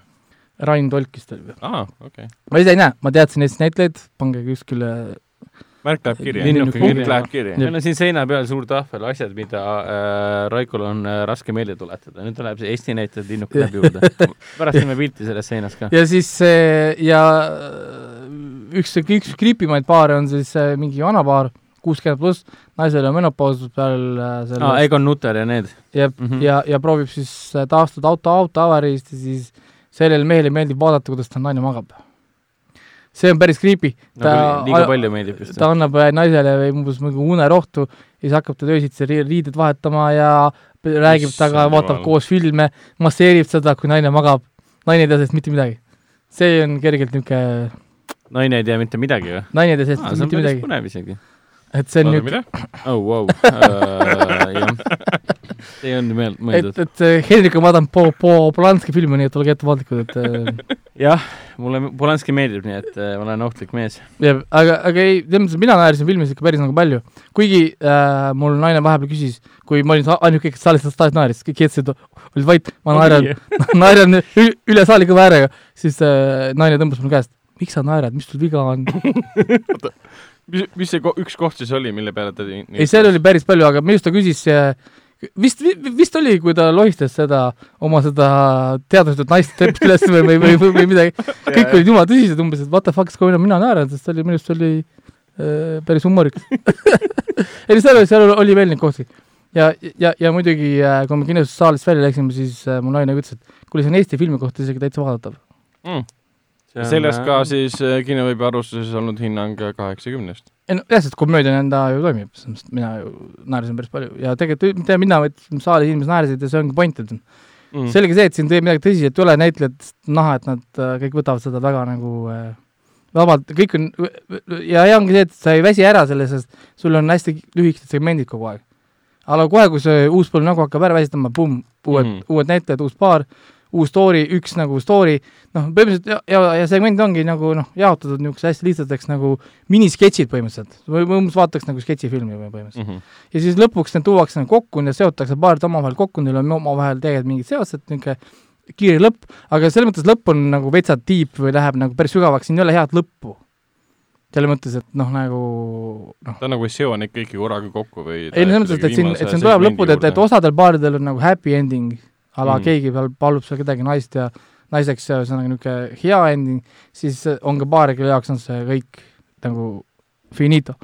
ehk siis äh, selles mõttes siin on elulisi õppetunde ka, kes tahab, siis äh, võ- võtke naine ka, kui, kui on, minge vaadake, et mm. ei, see on, tundub, et hea soovitus, et aga ta on siis, kas sa Svingerit nägid või? Ei näinud Svingerit, aga sama, ma saan aru, et need on Svingeri tegijate poolt tehtud. ja üks režissöör on sama vähemalt, jah. jääb, aga see on muidugi see, et see on jälle koopia, on ju, mis on nagu veider, kui ma guugeldasin seda äh, filmi vaatasin äh, katkendeid ja stseene Youtube'ist, see on üks-ühele tehtud Eesti Mm. film, lihtsalt nagu nagu Eesti, häbitult üks-ühele. eesti keel, ei no üks-ühele, kõik nagu, kõik on sama. mm.. nagu isegi treiler, mis Eestis on, Eesti ees on tehtud, on sama treiler lihtsalt Eesti filmi versioonis, mis oli The Little Death treiler Austraalias okay.. Isegi treiler on sama, kus on nagu kõik need pausid ja muusikad, kõik on nagu sama, vaata. no mis tund-, noh, ma ei tea. noh, see vähendas päris kõvasti siis sellist ähm, äh,, kuidas nüüd öelda, ei pidanud kasutama loomingulise, loomingulist ressurssi pika perioodi peale, said kohe sisse minna no ja, ja siis, siis äh, sellest on tegelikult veel ühe versiooni, kaks tuhat kuusteist tegi Hispaania, mm.. kaks tuhat seitseteist oli mingi Itaalia Hispaania variant linastus ka Eestis, selle nimi oli Kõi- Kiki, kõik räägivad seksist. ja, ja, ja, ja kui ma lõ- seda, ja siis IMDB-st ma leidsin veel mingi viis versiooni, mis on siis sellest samast filmist nagu teiste riikide poolt siis tehtud, nii et Mm -hmm. aga tundub, et see toimib, sest äh, need ähm, kõik need uued versioonid, mis teiste on tehtud, on tegelikult kõrgelt kiidetud, filmi originaal ise on ka tegelikult IMDB-s mingi seitse pool punkti, mis on tegelikult täitsa okei okay sellise äh, žanri kohta, no selge, aga, aga, aga rääkige siis äh, vahelduseks ka halvast filmist. see ei ole halb film, see on äh,, see film on, see film on- sünge, sünge metsa õudus ei ole see siis halb, see film. film on metsas eksinud lihtsalt, teda peab aitama natukene. ei, Mis sa ütlesid? ma ka ei ütleks, et ta halb see on. film on ise metsa eksinud, seesama Sünge mets, mul ta, ta on ise sinna see, see, võib, võib öelda seda, et see film on sama äh, lohisev ja, ja mm, haruväärne nagu see alapealkiri, ehk siis Sünge metsa õudus kohati. No kui filmi viimane tseen tuli, mille peale päris kõvasti naerma hakkasime, siis on see mingi ei, ei, palun, lõpetage ära, et noh, aga ei, see lõpp oli kole, see oli, see oli, see oli, see oli, see oli täitsa halb. aga see on siis jah, ja ka Sünge metsa õudus ja nagu pealkiri viitab, on see siis äh, vana, vana slaavi äh, sellesamuse legendi põhjal tehtud või noh, muinasjutu põhjal tehtud, ehk siis Baba, Baba Yaga öeldakse tema kohta. John Wicki põhjal siis. Ehk siis me Raikoga terve seansi ootasime, kuule, kui John Wick nüüd järsku välja ilmub, siis on et- parim film et, et kui John Wick tuleb lõpuks välja ja ongi see Baba Yaga, kümme, kümme, kümme. ja filmis korrutati, et keegi pole nõida tegelikult näinud siis mõtlesime, et kuule, aga siin te olete vist. kiinuris astub lihtsalt mingi you are breathtaking vene keel, vene keeles mingi.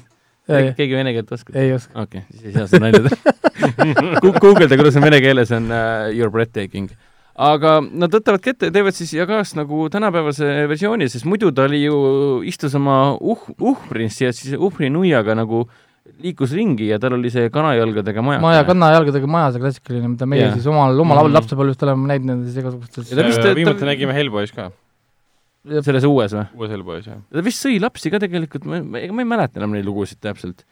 aga noh, siin samamoodi, et sul on, sul on uus elamurajoon ja sul on noor poiss ja siis hakkavad lapsed kaduma ja siis, kui see laste kadumise oht hakkab tema enda väikest äh, beebiõde äh, mõjutama, siis tulemus on see, et väike poiss koos oma uute äh, sõpradega hakkavad need jälge ajama, mis toimub. ehk siis äh, mõelge siin lihtsalt iti peale, et kui väike vend kaob ära kanalisatsioonis või kuskil, siis minnakse teda otsima mm. -hmm. lihtsalt kohati ta on äh, mõned, mõnede tseenide mõttekäigud on kohati üks-ühele itist maha võetud. ja mitte ainult itist, vaid äh, Silent Hill, jah, The Guardian äh,, The Shining äh,, siis on veel neid filme, nii et äh, ja et see kohati sa nägid seda, et siin väga palju polnud, üldse polnud vaeva nähtud sellega, et mingi, et tegelastele mingisugust äh, karakteri arengut anda, sest pole ju vaja karakteri arengut anda, kui sa teed selle teiste filmide põhjal, et kõik need filmid on piisavalt tuntud ja sul on need justkui arengud on juba peas olemas nii-öelda. No näiteks see Shining osa, see hulluks minemine, see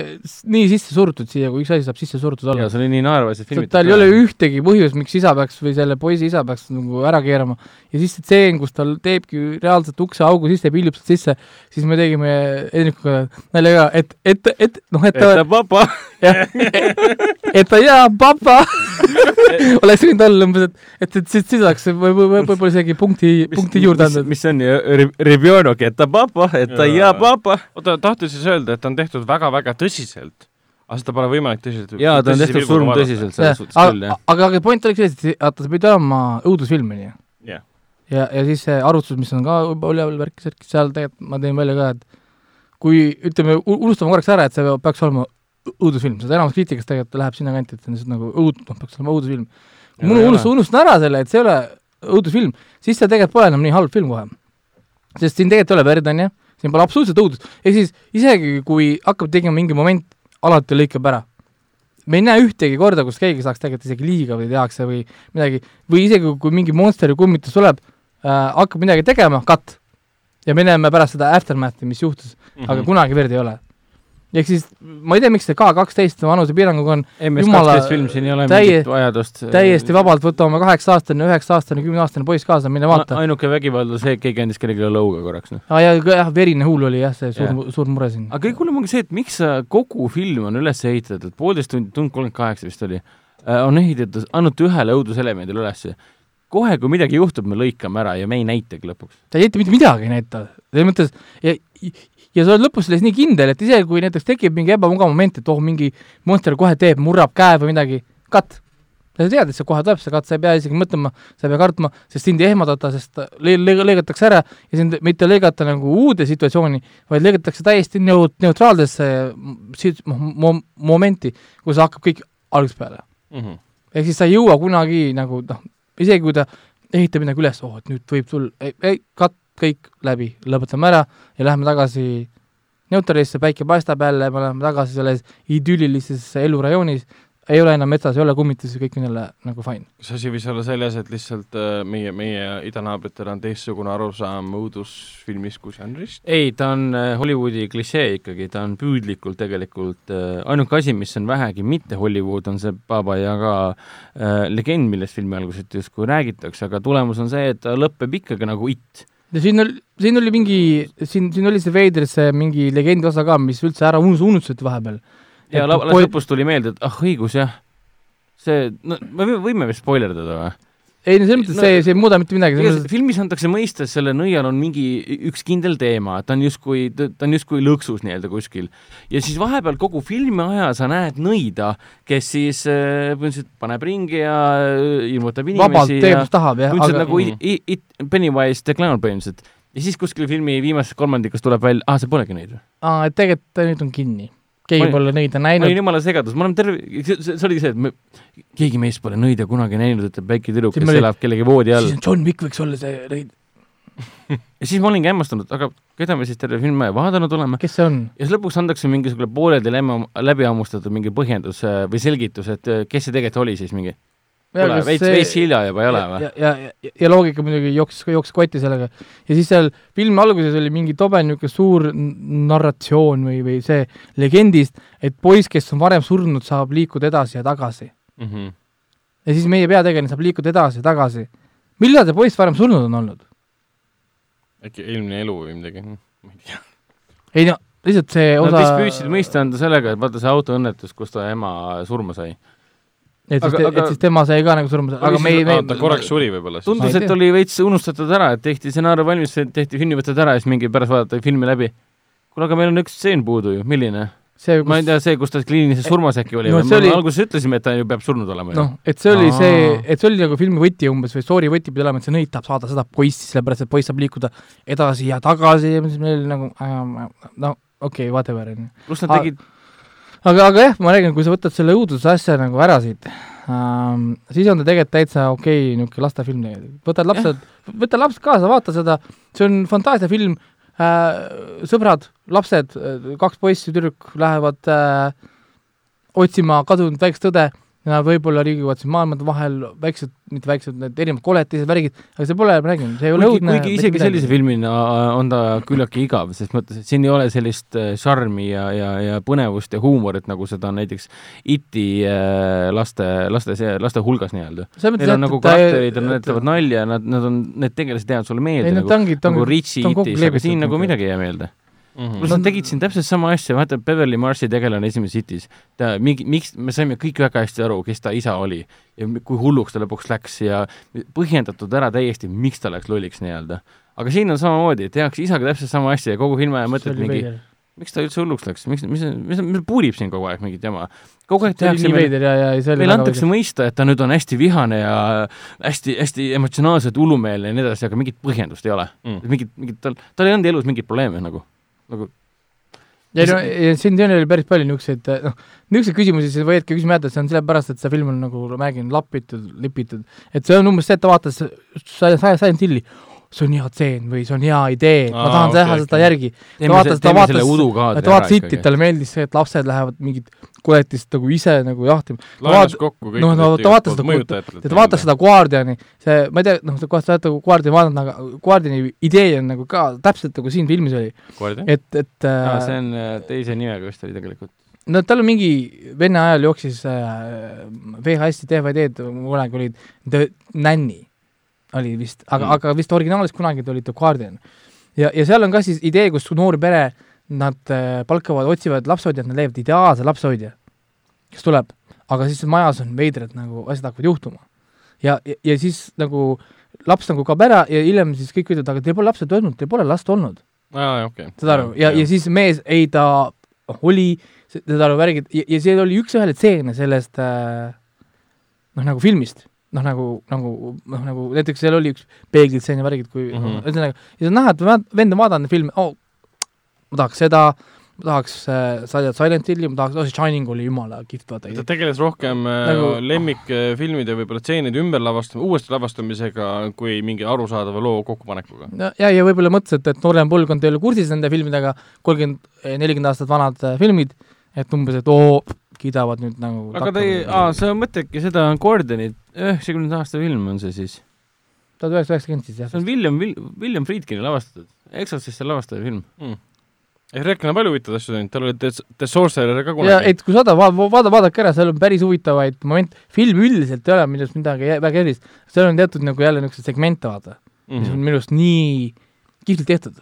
seal on üks see, üks, üks segment, kus mees jookseb äh, järgi sellele nännile, on tehtud nii, et ta jookseb nagu kaamera poole, vaata, hästi sarnane sellele äh, Kon- kon- kontakti äh, kon- kontaktiseenile, aga seal on päris huvitavaid asju, mis, kuidas see nagu tehtud on, seal on päris palju niisugust stuff'i, mis, muidugi see lõpustseen on päris räige, kus äh, noh, ma ei taha spoilida, ühesõnaga. vist tahan selle ära vaadata. et äh, vaadake see film ära, et see on väga hu-, huvitav, sellest peaks olema ka üks äh, nagu full version, mitte nagu see tavaline versioon, mis oli VHS-idel, vaid hiljem tuli see nagu Reisjoni versioon. nagu mingisugune parem katt, et seal on Ahah. äh, paar ekstra asja, mis peaks olema kindlasti, kui vaadata okei ära. kindlasti jätame meelde, võtame selle, selle filmi ka ette.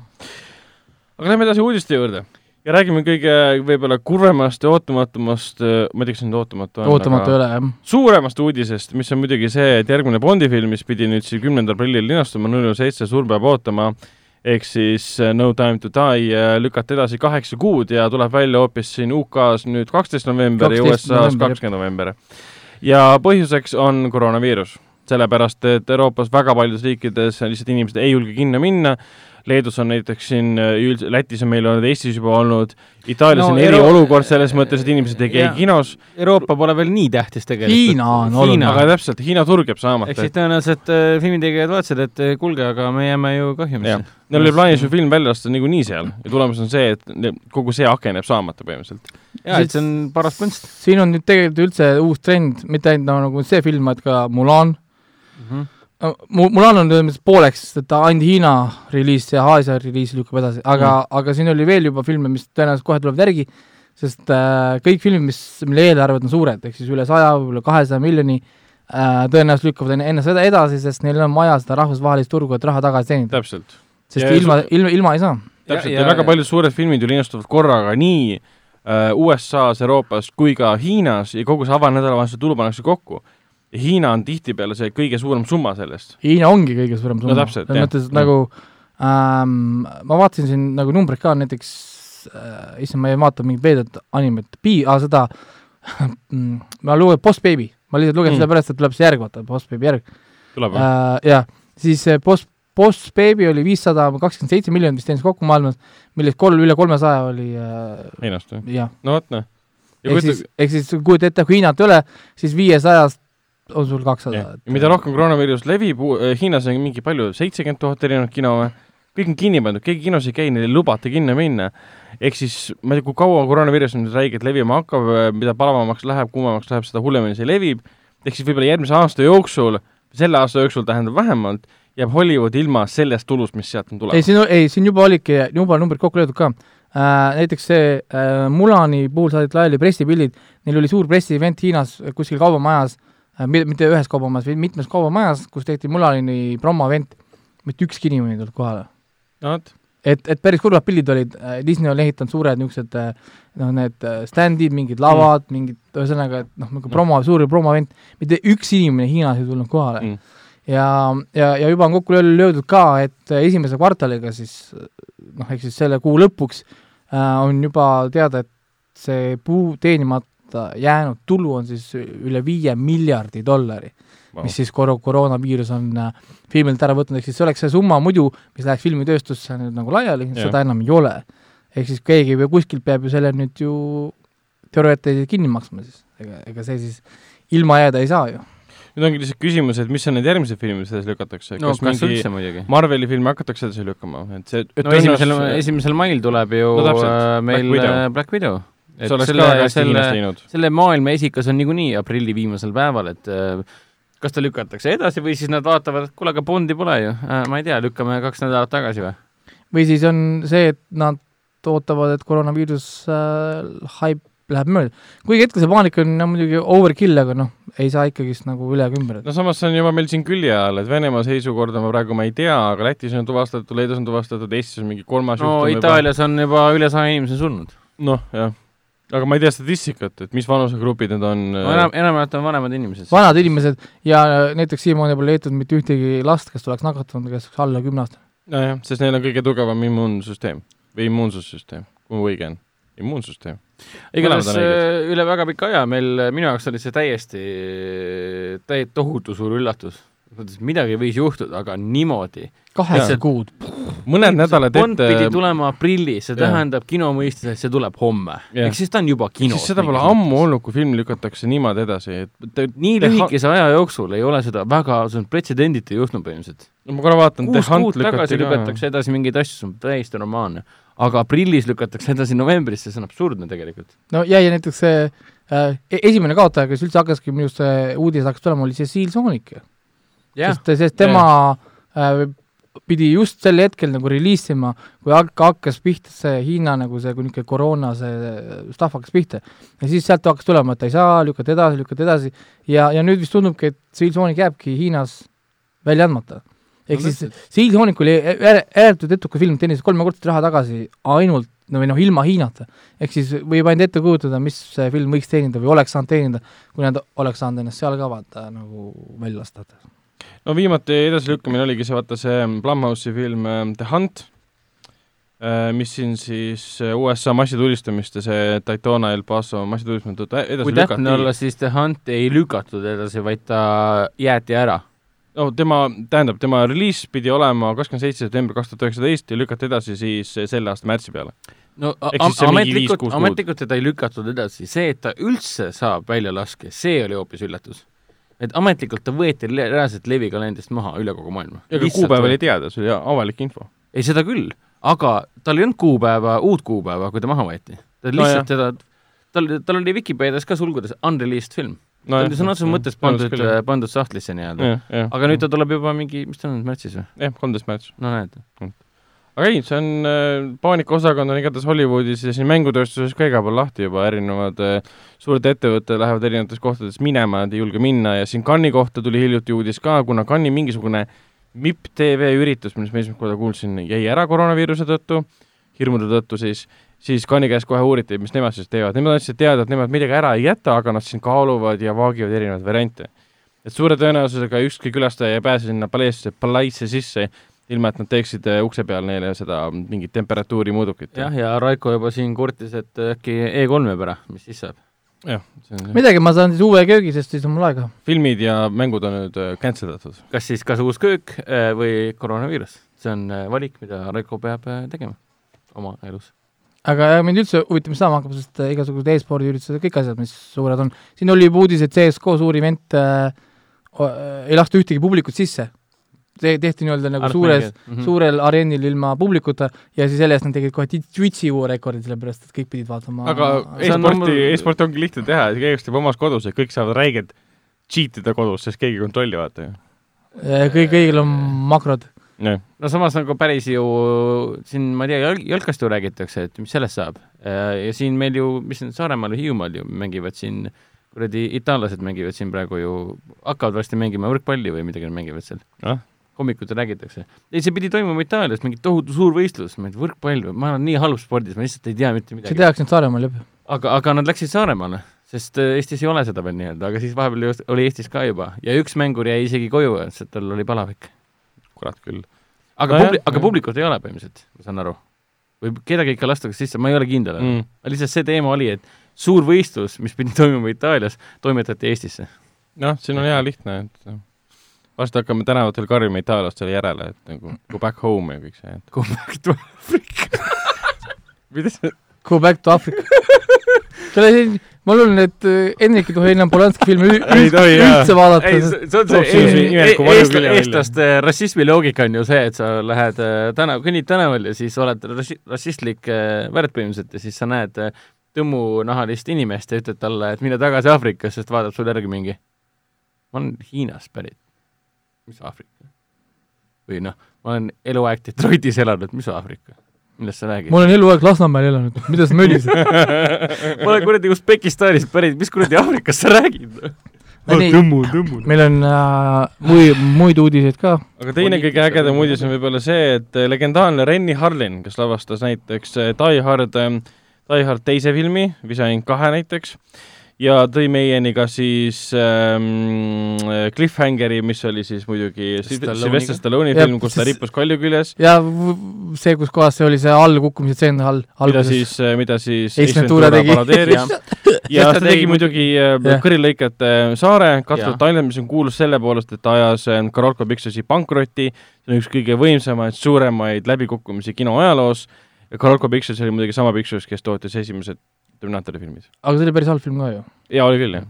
ei, ta oli nii suur meeletu läbikukkumine, et pärast seda ühtegi piraadifilmi enam ei tehtudki alles siis, kui Disney otsustas Johnny Deppi teha eh, piraadiks, ütlesid, et okei okay,, teeme, teeme selle riski ja õnneks nagu äh, läks läbi. ärge unustage, Renny Harlin tegi ka ju Deep Blue Sea. täpselt, sügavsinine meri äh, Samuel L äh, Jackson, LL Cool J, Thomas. Jane ja siis see kelle nime ma ei mäleta, Saffron something. Pole oluline. jaa, aga ta on just, ta on samas ta on kõige, kõige ägedamaid ja selliseid äh, võimsamaid Soome reisijale üldse, et hakkas kohe tegema ju filme, see on see Long äh,, Long Kiss Good Night, noh, mis näitleja, see Samuel L Jackson ja Gina Davis ja. täpselt, selliste näitlejatega sai kohe koostööd teha. pärast seda, kui ta lavastas, võttis üle, üle ühe teise reisijad Nightmare on Elm Streeti neljanda filmi. pluss ta päris nimi on äh, Lauri Maurits Harjola. no vot. Nojah ta..., sellise nimega tõesti Hollywoodi läheks. ja ta on siis kaks filmi teinud kokku siis äh, Stallonega, teine oli Driven, kus ta sõitis autodega siis ta tegi Exorcisti ühe filmi The Beginning, siis ta tegi siin, hakkas ühel hetkel hästi palju saastet tootma. ehk siis The Covenant, Cleaner, Twelve Rounds, The Resident, Five Days of War ja Devil's Bass. Heraklise legend on legendaarne, ma olen sellest palju kuulnud oh,. issand, see on legendaarselt halb film. kaks, kaks Heraklise filmi tuli, tuli samal ajal millegipärast. üks oli Dwayne Johnsoniga, mis oli okei okay no okei okay, on võib-olla palju öeldud, aga parem, parem kui see. jah, aga jah, kui sa vaatasid neid järjest, siis tõesti see ja. oli ja pärast okay. seda filmi ta siis andis Hollywoodi osas alla või Hollywood andis tema osas alla ja ta läks Hiina peale üle, hakkas Hiinas järjest filme tootma, siin Jackie Chaniga oli näiteks Spik-, Skip Trace ja siis ähm, Iidse mõõga saladus, Bodies at Rest, The Misfits, järjest tegi lihtsalt aastast kaks tuhat, põhimõtteliselt neliteist äh, kuni tänase päevani tegi Hiinas filme. ja miks me temast räägime nii pikalt tüüp palgati siis aastal kaks tuhat kakskümmend üks ilmuva Soome klassikokkutulek kolme reisijariks isa hinge režissöör. Hiinas pandi produktsioonid kinni, et mida me siis toodame, kui me näidata ei saa. nii et siis kohe okay., kohe kui, kohe kui koroonaviirus hakkas levima Hiinas, tüüp mingi okei okay,, nägemist, ma tagasi Soome Hiina rahad taskus ja minu, minu meelest, minu silmis on tüübile antud respekt. selliste näitlejatega terve, terve tuloaas Soomi ja, ja, ja läheb uuesti. tagasi koju, vaata, ta ei ole vahepeal ühtegi, ühtegi, ta ei olegi kunagi, kas ta on Soome filmi üldse teinud või? see on hea küsimus, kas Renni Hallin on kunagi teinud ühtegi Soome filmi? Nüüd ma hakkan vaikselt guugeldama, olge te hästi tasa samal ajal. on ikka teinud, selles suhtes pole hullu midagi. mingeid seriaale ja lühifilme on teinud. jaa, on, on tõesti, on tõesti. nii, aga siis on meil veel, veel uudiseid siin äh,? Veel uudiseid siis vahepeal HBO teeb asju. jah, siin podcast'i ajal tuli siis teada, et ma saan aru, et see on ju HBO Maxi jaoks tõenäoliselt, on ju? Äh, jah, ei, ma arvan, tavaline kaabel HBO jaoks ka, ehk siis Eestis Telia HBO-s saab näha. igatahes HBO teeb siis Tšernobõli loojaga Greg Maziniga äh, teeb videomängust The Last of Us ähm, seriaali, on praegu arendamas seda vähemalt. ja Last of Us on siis mäng aastast kaks tuhat kolmteist? kaks tuhat kolmteist aasta mäng. mis on Naughty Dogi siis loodud ja, ja nüüd mais tuleb selle äh, teine osa eelmise dekaadi videomäng.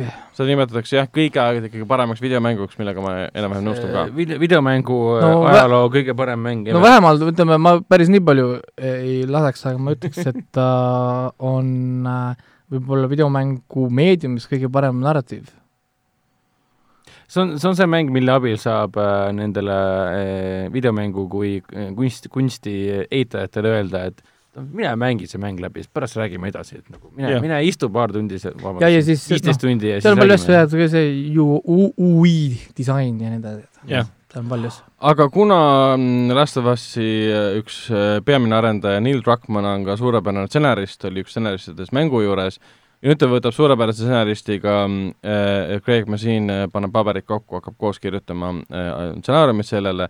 Craig Mazin on muidugi sama tüüp, kes kirjutas äh, Hangoveri filmidele stsenaariumeid ja kuidas ta tõusis sellest nii-öelda tasemest hoopis sinna, et lõpetas HBO Tšernobõli looja ja stsenaristina no,. jaa, aga Hangover stsenaarium ei ole halb stsenaarium, kui sa komöödiafilmi teeksid just sellises stiilis, kuidas sa kirjutad seda siis? ei no esimene Hangover oligi hea. jah, ei minu arust on fine. kolmas oli väga epiline ses suhtes oli jah?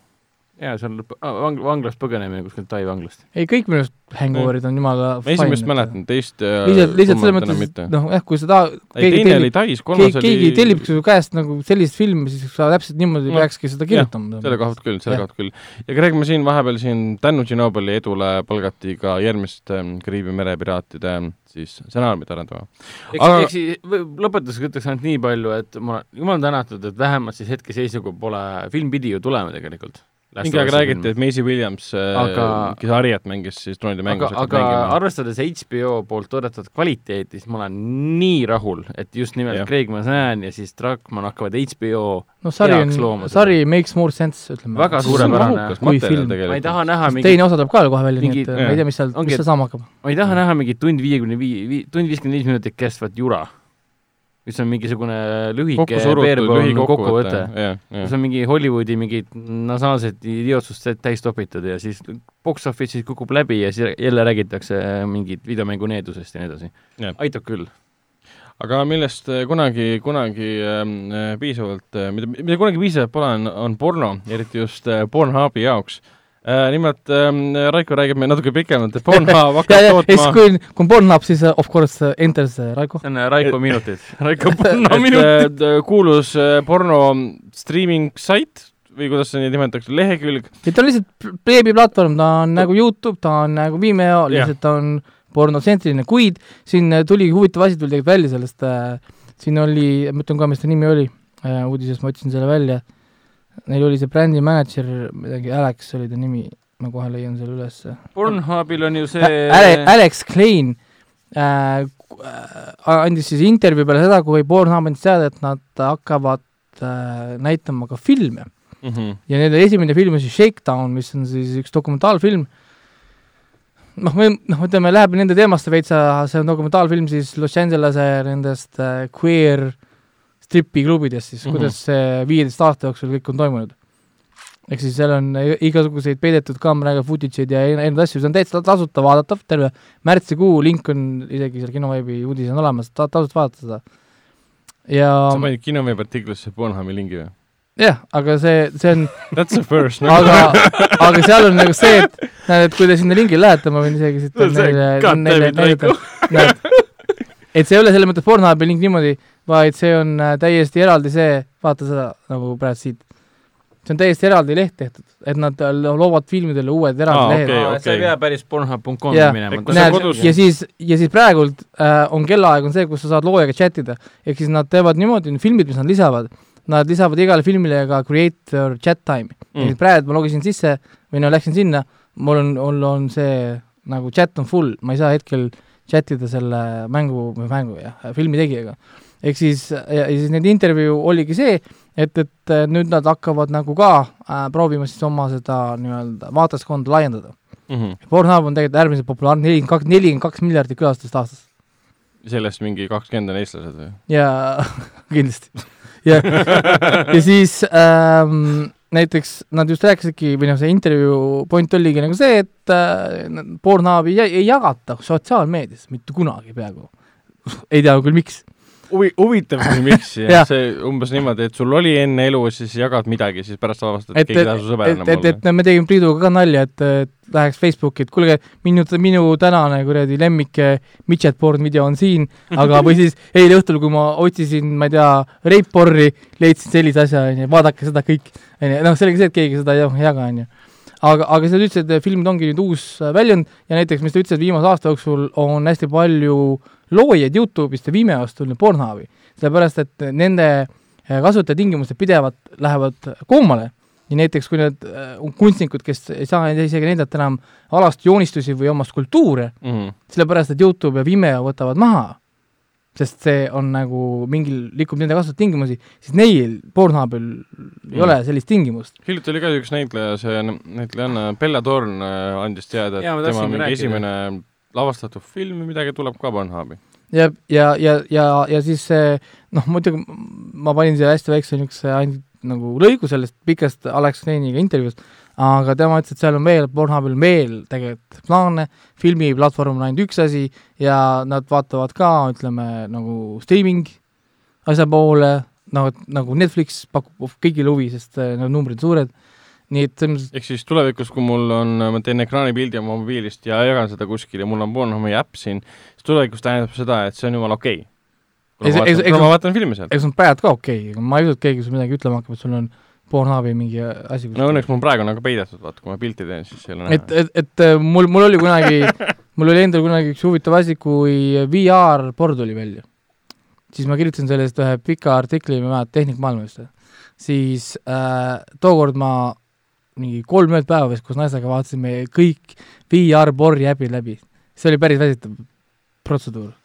nii et äh, oota, äpid läbi või? äpid ja porri, kolmsada kuuskümmend VR-porno äpid. okei. ähm, see oli väsitav tegevus või? see oli päris väsitav, jah. okei. okei siis. päris väsitav. mine Äh,, minnes nüüd sujuvalt pornost üle järgmisele teemale. jaa, vanamehe film äh, siin äh, kurat küll, kõik on samad teemad. kes on Vanamehe filmi näinud, siis teab, et äh, teemad mingis mõttes kattuvad. jaa, jaa. aga Vanamehe filmist saab rääkida positiivses, positiivses mõttes, kuigi ega eelmine uudis ka nüüd negatiivne ei olnud äh,. film võitis siin ühel rahvusvahelisel festivalil ähm, publiku, publikupreemia. mis oli selles mõttes äh, filmi tegijatele endale oli üllatus, sest nad ei arvanud, et Vanamehel on võlu äh, väljaspool Eestit. et noh, aga ta on et umbes, nii, nii Eesti teema. et ta on olnud selles mõttes jah, nagu, nagu meie noh, nagu toodang ja umbes nagu Reisiraadio on, keegi ju ei mõista Mm. Reisiraadiot Aa. umbes Eestist väljas, mul, et, et siis nagu nad olid üllatunud, et absurdne, see on absurdne. et, et Vanamees toimis nagu subtiitritega ja asjadega. ma, ma olin tegelikult küll veendunud, et ta töötab mujal pärast, väga pärast hästi. esikat ma vaatasin, et jaa, ei, kui nad vähegi tahavad, sellest võiks saada ülemaailmne Sest ta on nii veider. tema suurim pluss ongi see, et ta on niivõrd, niivõrd veidra seal ei ole midagi sellist, mis jääb äh, liiga kaugeks, ta on ju absurdihuumorit täis äh,, jumala lustlik äh, body horrorit täis, mingi ul-, ulmene ulme äh, action äh, komöödia nukufilm, noh. see on täiesti perfektne asi, mida kõik South Parki ja South mingi Park Family ja- Guy ja Paradise PD-d ja jumala eest, Rick and Morty ja- Bojack ja Rick, Rick and Morty, Rick and Morty on kõige parem näide tegelikult ka, et nagu ma üldse, üldse ei kui sa oled Rick and Morty imesta, fänn, siis sa armastad vanamehe filmi ja tema mutikaid, noh. üldse ei imesta, kui vahepeal võtame Netflix nendega ühendust, et oh, tehke meile seriaal. See oleks ju Suurepärane. suur võit Eestile, et siis noh, siis nad, siis nad peaks elus rohkem tööl käima, et noh, Jep, Netflix viskab kohe mingi viis miljonit neile. ja ei, selles mõttes, et see oli hea uudis, sellepärast mulle tundus ka, et, et seda võiks nagu avaldada ja näidata, et sest noh, vanamees tegutseb kuskil, kuskil tau- taustal käib, järgmine uudis juba, et saab juba kuskilt mujalt festivalilt jälle midagi, nii et seda ju ei tea. mm. -hmm. ei, see on väga rõõmus uudis ja, ja suure, suured äh, palju õnne filmitegijatele. Mägi ja Lehemäe on ikka väga suure töö ära no teinud. kõik animaatorid, kõik animaatorid, kes Jaa. on, nägid filmi kallal vaeva, on kõva töö ära teinud kohutavad meid, see oli mu eelmine aasta üks lemmikfilme, sai vist top kolme ka. mm. -hmm. huumor, pluss ma, huumor, pluss kõik inimesed, kellega ma olen rääkinud, välja arvatud siis vend, on alati mulle öelnud, et noh, suht jama oli või siis noh, meh. mina ei mingi, see, mina mingi täiega fännan seda filmi. seal on nagu see, et no mina ei saa kõik huumorist võib-olla aru, aga, aga mul üks sõber, Priit on, ta lihtsalt, ma, ma ei jõua enam seda kuulata, kuidas ta tsiteerib neid kakssada viiskümmend korda ringiratast neid vanamehe nalju ja siis ise naerab kakskümmend minutit. ja selles mõttes, et ongi, ta teeb nalja ära, mina, ahah, selge, jälle või? ja siis, ja siis ta lihtsalt tükk aega naerab ja kui ta lõpuks saab vait, siis ta veel muigab tükk aega edasi, sest ma tean, et ta peas mängib seda tseesi mingi uuesti ja kas ta uuesti. teeb seda vanamehe häält ka või? ja muidugi, kogu aeg teeb. Me siin ühes saates tegime, tegime ka vanamehe häält. ja siis, kui tegime võistluse isegi. siis, kui me oleme seal jõusaalis ka ja näiteks ütleb mulle, üks veel teeb seda, üks veel, kuidas need vanamehe hääled käivad, teeb mulle vanamehe hääle kogu aeg neid, et pane juurde ja mingit asja ise jälle nii rahul umbes, et kurat, ma nüüd tegin nalja. ei, väga hea, väga hea.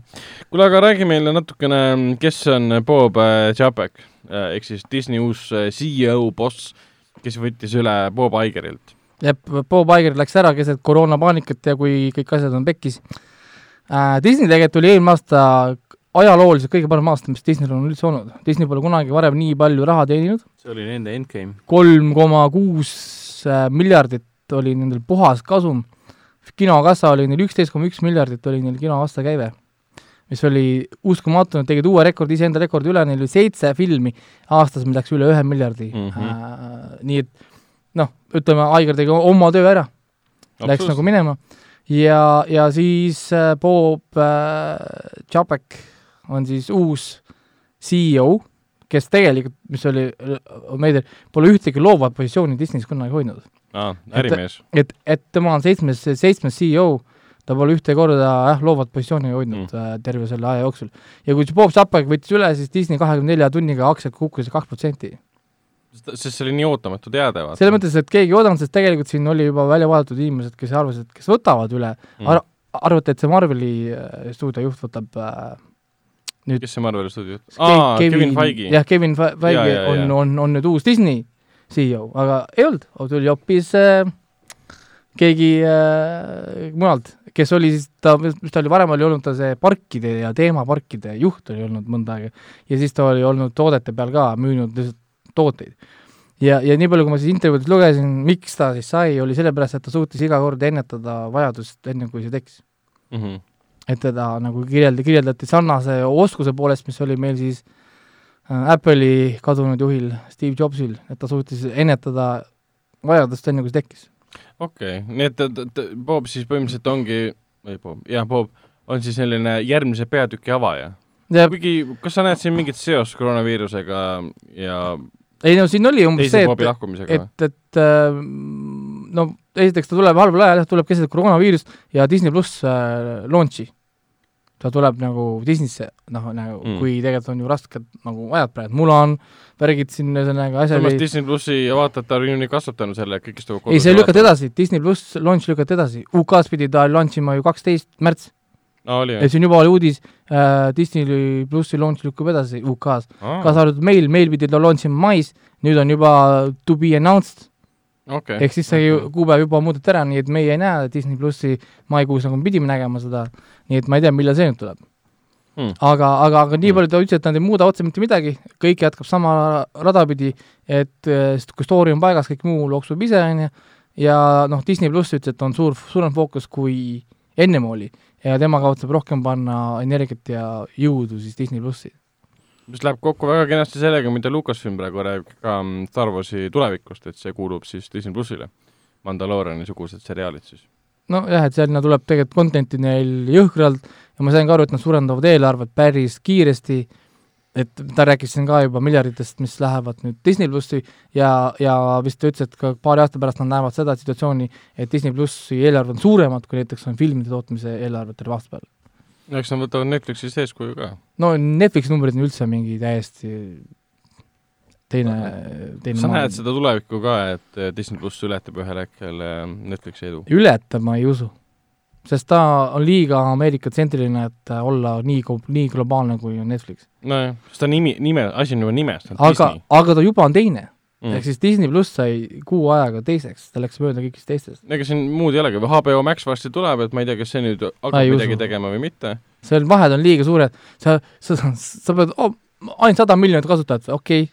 Mm. No ja samal ajal koroona, koroonaviirusega Netflixi ak- aktsia on ainukene, mis tõuseb, kui kõik muu maailma majandus langeb, Netflixi aktsiad tõusevad äh,, kui ennem Netflixi, mis nad teevad, ennem nad said seitsekümmend kuus tuhat kasutajat juurde iga päev, sai Netflix ennem, siis nüüd koroonaviiruse ajal nad saavad kakssada tuhat vaata-, vaatajat, vaatajat, uut kasutajat iga päev Mm -hmm. saavad juurde.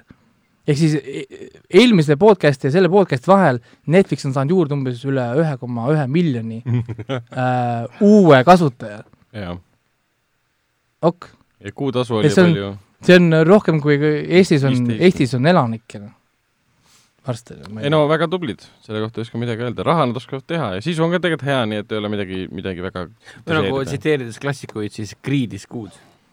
See ei ole ju, kuskil, seal pole ju kuskilt tegelikult Agnusest nad annavad sulle ju sama kuu tasu eest lõputult forever content'i, noh, ja, ja, ja keegi kuskil juba ju ütles, arvutas välja, et neil on nendel üle kolme, kolmesaja tuhande asja seal Netflixis, nii et kui, kui nad täna lõpetavad content'i tootmise ära, mis sa arvad, et sa jõuaks kunagi järgi või? oma eluajal mitte no., ilmselt minu lapsed ka ei jõuaks. see on täiesti võimatu, noh, et sa tahad, noh, Disney pluss oli ka ka, aga praegu on Disney plussis juba content'i, nii et sa ei jõua vaata seda, vaada, vaadatagi seda ära. Kõik no,, kõik, kõik on seal, jah, nii et see on, see on see äge uudis, et ähm, et ähm, aga siin on kohe Disney vaatan, ja Netflix teenivad raha. no, nad ei teeni, vaid selles nimel nad prindivad seda. vabandust. sest, sest, sest nagu noh, teenib, teenib, meie teenime siin äh, raha aga mm., aga, aga, aga, aga seal prinditakse raha. seal lihtsalt nagu noh, ta on näha, kui palju neil raha umbes, et keegi tuleb net-, Netflixi juurde, aa, võta. Me, meil aasta eelarve on viisteist miljardit, teeme content'i. kes ta teeb viieteist miljardist content'i, mis numbrid need on sellised? kuigi on väga palju neid reisijale olnud ja filmiõiguste omanikke, kes äh, on loobunud meeletutest summadest, mida Netflix on pakkunud, eriti mis puudutab erinevatel äh, festivalidel olnud filme, et on kohe nende juurde mindud ja oo, me anname teile kolm miljonit, et ostame õigused ära. On öeldud ei, et me tahame ikka kinno saada ja me tahame ikka korralikult festivalil edasi olla. nojah, aga need on need inimesed, kelle kohta on eesti keeles hea sõna olemas, loll et kas sa võtad kohe kolm miljonit kätte ja teed järgmise filmi või sa lased kinno festivalidele ja ei tee järgmist filmi, sest mul kui reisid, sipled, majandad seal lõpuks yeah., kui üldse hea, et üldse raha saad mm., saad koroonaviirusega kaela endale pärast no. veel. Selle asemel oleks võinud kolm miljonit praegu istuda kuskil jahi peal, juba teed oma järgmist filmi. no täpselt. nojah. okei okay,, pool sellest kulutasid jahi peale, aga noh, okei okay,, see on juba sinu teha, et kuidas sa oma raha kulutad. vot, aga selle noodi pealt läheks edasi filmi ja seriaali soovituste peale mis nüüd siin äh, vahepeal on meil kinos tulemas, kinoklassika raames me juba rääkisime, et helisev muusika Foorum Cinemas kinoklassikas saab seda näha, suurepärane ja siin on nüüd varsti kohe tulemas ka mm, Monty Pythoni Püha Graal eri, eriseanss, millal see nüüd täpselt oli? viisteist aprill, eelmises saates mainisime. jaa, mainisid küll, täpselt. kuna on, kuna Terry Jones lahkus meie hulgast, siis otsustasime mm. -hmm. austada tema, tema eksistentsi just nimelt selle filmiga, et saaks ühe korra taas täpselt. nautida ja, klassikat. aga mida aprillis näha saab? aprillis saab näha juba Martin Scorsese Martin Scorsese Casino tuleb jah mis on siis äh, Martin Scorsese maffiafilmide vist teine film või? Goodfellas, Casino ja Irishman või? ja üks kõige, kõige suuremaid ja tähtsamaid filme, mis ta nii-öelda teinud on.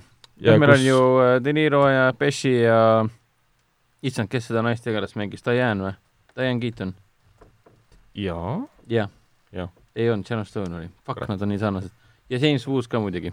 jah, siis kui James Woolsil oli veel karjäär ja siis, kui, siis kui Joe Pesci'l oli ka karjäär tegelikult, aga mitte wow, negatiivses Joe mõttes. Pesci on karjäär. loobus ja läks ta tuli laulma. tagasi ja ta näitas kõigile, milline ta tegelikult on, kui Jah, vägev näitleja ta on. -hmm. aga mis on veel äge, on see, et siin nüüd ähm, kaheksateistkümnendal märtsil äh, toimub siis ähm, Quiet Place'i ähm, topeltseanss, et saab näha Foorum Cinemas kinodes siis esimest äh, Quiet Place'i ja siis kohe otsa vaadata teist Quiet Place'i. jah, see on siis, nagu sa ütlesid, topeltsens kõigis äh, Foorum Cinemas kinodes, kinoekraanis, Coca-Cola Plazas ja Centrumis. topeltsens tähendab siis seda, et sa ostad ühe pileti ja vaatad kaks filmi. ehk siis kell kuus läheb peale esimene osa ja pooletunnise vahega tuleb siis äh, teine osa otsa mm. -hmm. esimene osa kestab poolteist tundi, siis on pool tundi vahet, tuleb teine film peale. Esimene esimene on kell kuus ja teine on üheksakümmend üheksa minutit vist oli. Et siis teine, teine osa on kell kaheksa peale, esimene kell kuus, teine kell kaheksa. ehk siis sa maksad kahe äh, filmi eest äh, ühe pileti, ühe see. kõik on üks seanss nii-öelda, ette määratud üks puhkus nii-öelda, väike kolmekümneminutiline äh, nii-öelda pau-, pausikene, et sa saaksid ennast värskendada Mm -hmm. äh,. mina isiklikult ootan seda väga, see on äh, väga vinge, sellepärast et äh, viimati ma nägingi tegelikult äh, suures kinosaalis, ma just nägingi iSense'i saalis äh,, kui esimene osa oli meil kuufilm. Nii et Aa, meil jah, on siis põhimõtteliselt, me vist ei olegi meil niimoodi, ühtlasi on tegemist ka kuufilmiga, et polegi niimoodi varem olnud, et äh, minu meelest teine osa järjest tuleb juba siis kuufilmiks. no neid lugematu, hea. lugematuid seeriaid on nagu raske lugeda, kui Marveli filmid arvesse võtta. mm,. tõsi. aga tuleb ka üks kontsertfilm. kuule jaa, Elvis, Elvis äh, tähistab sünnipäeva, noh tähistas, tähistab sellel aastal sünnipäeva ja selleks puhuks me siis äh, näitame seitsmekümnendate suurt äh, rokk-kontsert dokumentaalfilmi That's the way it is, see on siis digi-, digiteeritud, taasloodud ja saab äh, uues kuues äh, parendatud pildi ja heliga äh, näha, parendatud mm, -hmm. parendatud pildi ja heliga äh, näha uuesti kinosaalis Coca-Cola Plazas ja kino, kinoekraanis. väga äge. kas Elvisel on mingisugune tähtaeg? ei, ma, ma just ütlesin, sellel surma aastal Aa, ütlesid, sünni, Okei, sünni, nii, sünniaastapäev. Jaa, jaa, sünnitähtpäev või sünniaastapäev, jah. ma, ma vaatasin juba Netflixi nimekirja, siis ma, sinu jutt läks nagu mööda. äh, vist on, kaheksakümmend viis. kaheksakümmend viis, nii vähe. issand, Köörik, Köörik Taglas oli seitseteist, kui Elvis sündis. Georg, Georg Ots saab kahekümne esimesel märtsil saja aastaseks. aa, kuulge, sellega on ju t- Tartu Elektrikino või Elektriteater. elektriteater. seal on äh,, nendel tuleb nel-, neli, neljapäevane event, kuus filmi, Georg Ots ja siis äh, Jaapani näitleja, issand, Mifune. Mifune, jep, näidatakse filme seal. jaa, ma nägin jah, teada, et Nad. näitavad äh, Kurosawa filmi, kus on Mifune. näitavad seal iga, mis ta näitab sealt, ma ei viitsi. ühesõnaga kinoveebis seal üleval, seal on Georgi. kõik on üleval, ma panin selle ilusti üles, et see on, saate lugeda. kas seal oli, okei okay,, siis ma pean seda asja uurima veidi. ma nägin Selge. ka Viivuks seda teadet, et Mifunet tahaks küll näha nagu suurel, suurel, suurel kinoekraanil. jaa.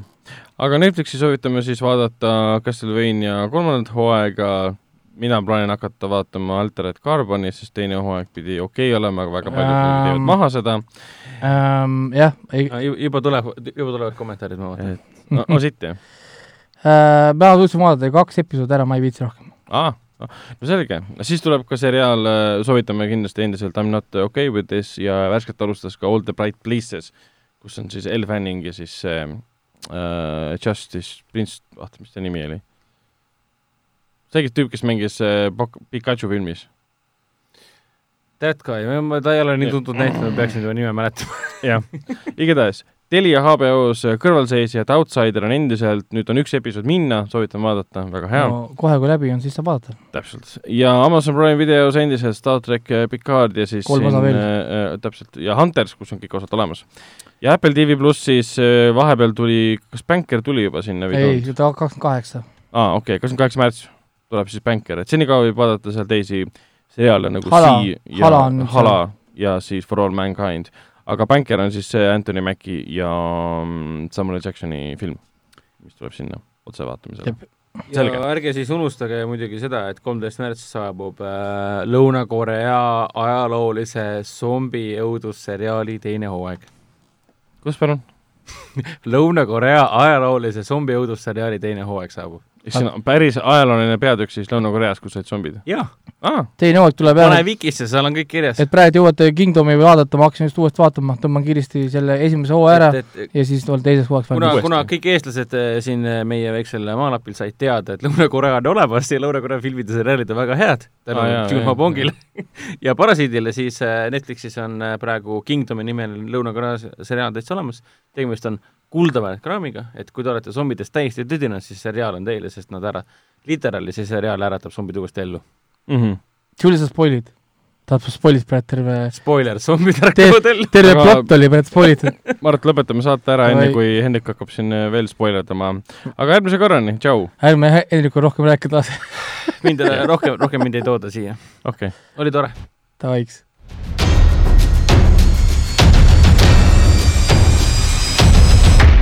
Kinoveebi Jututuba podcasti toob teieni Foorum Cinema.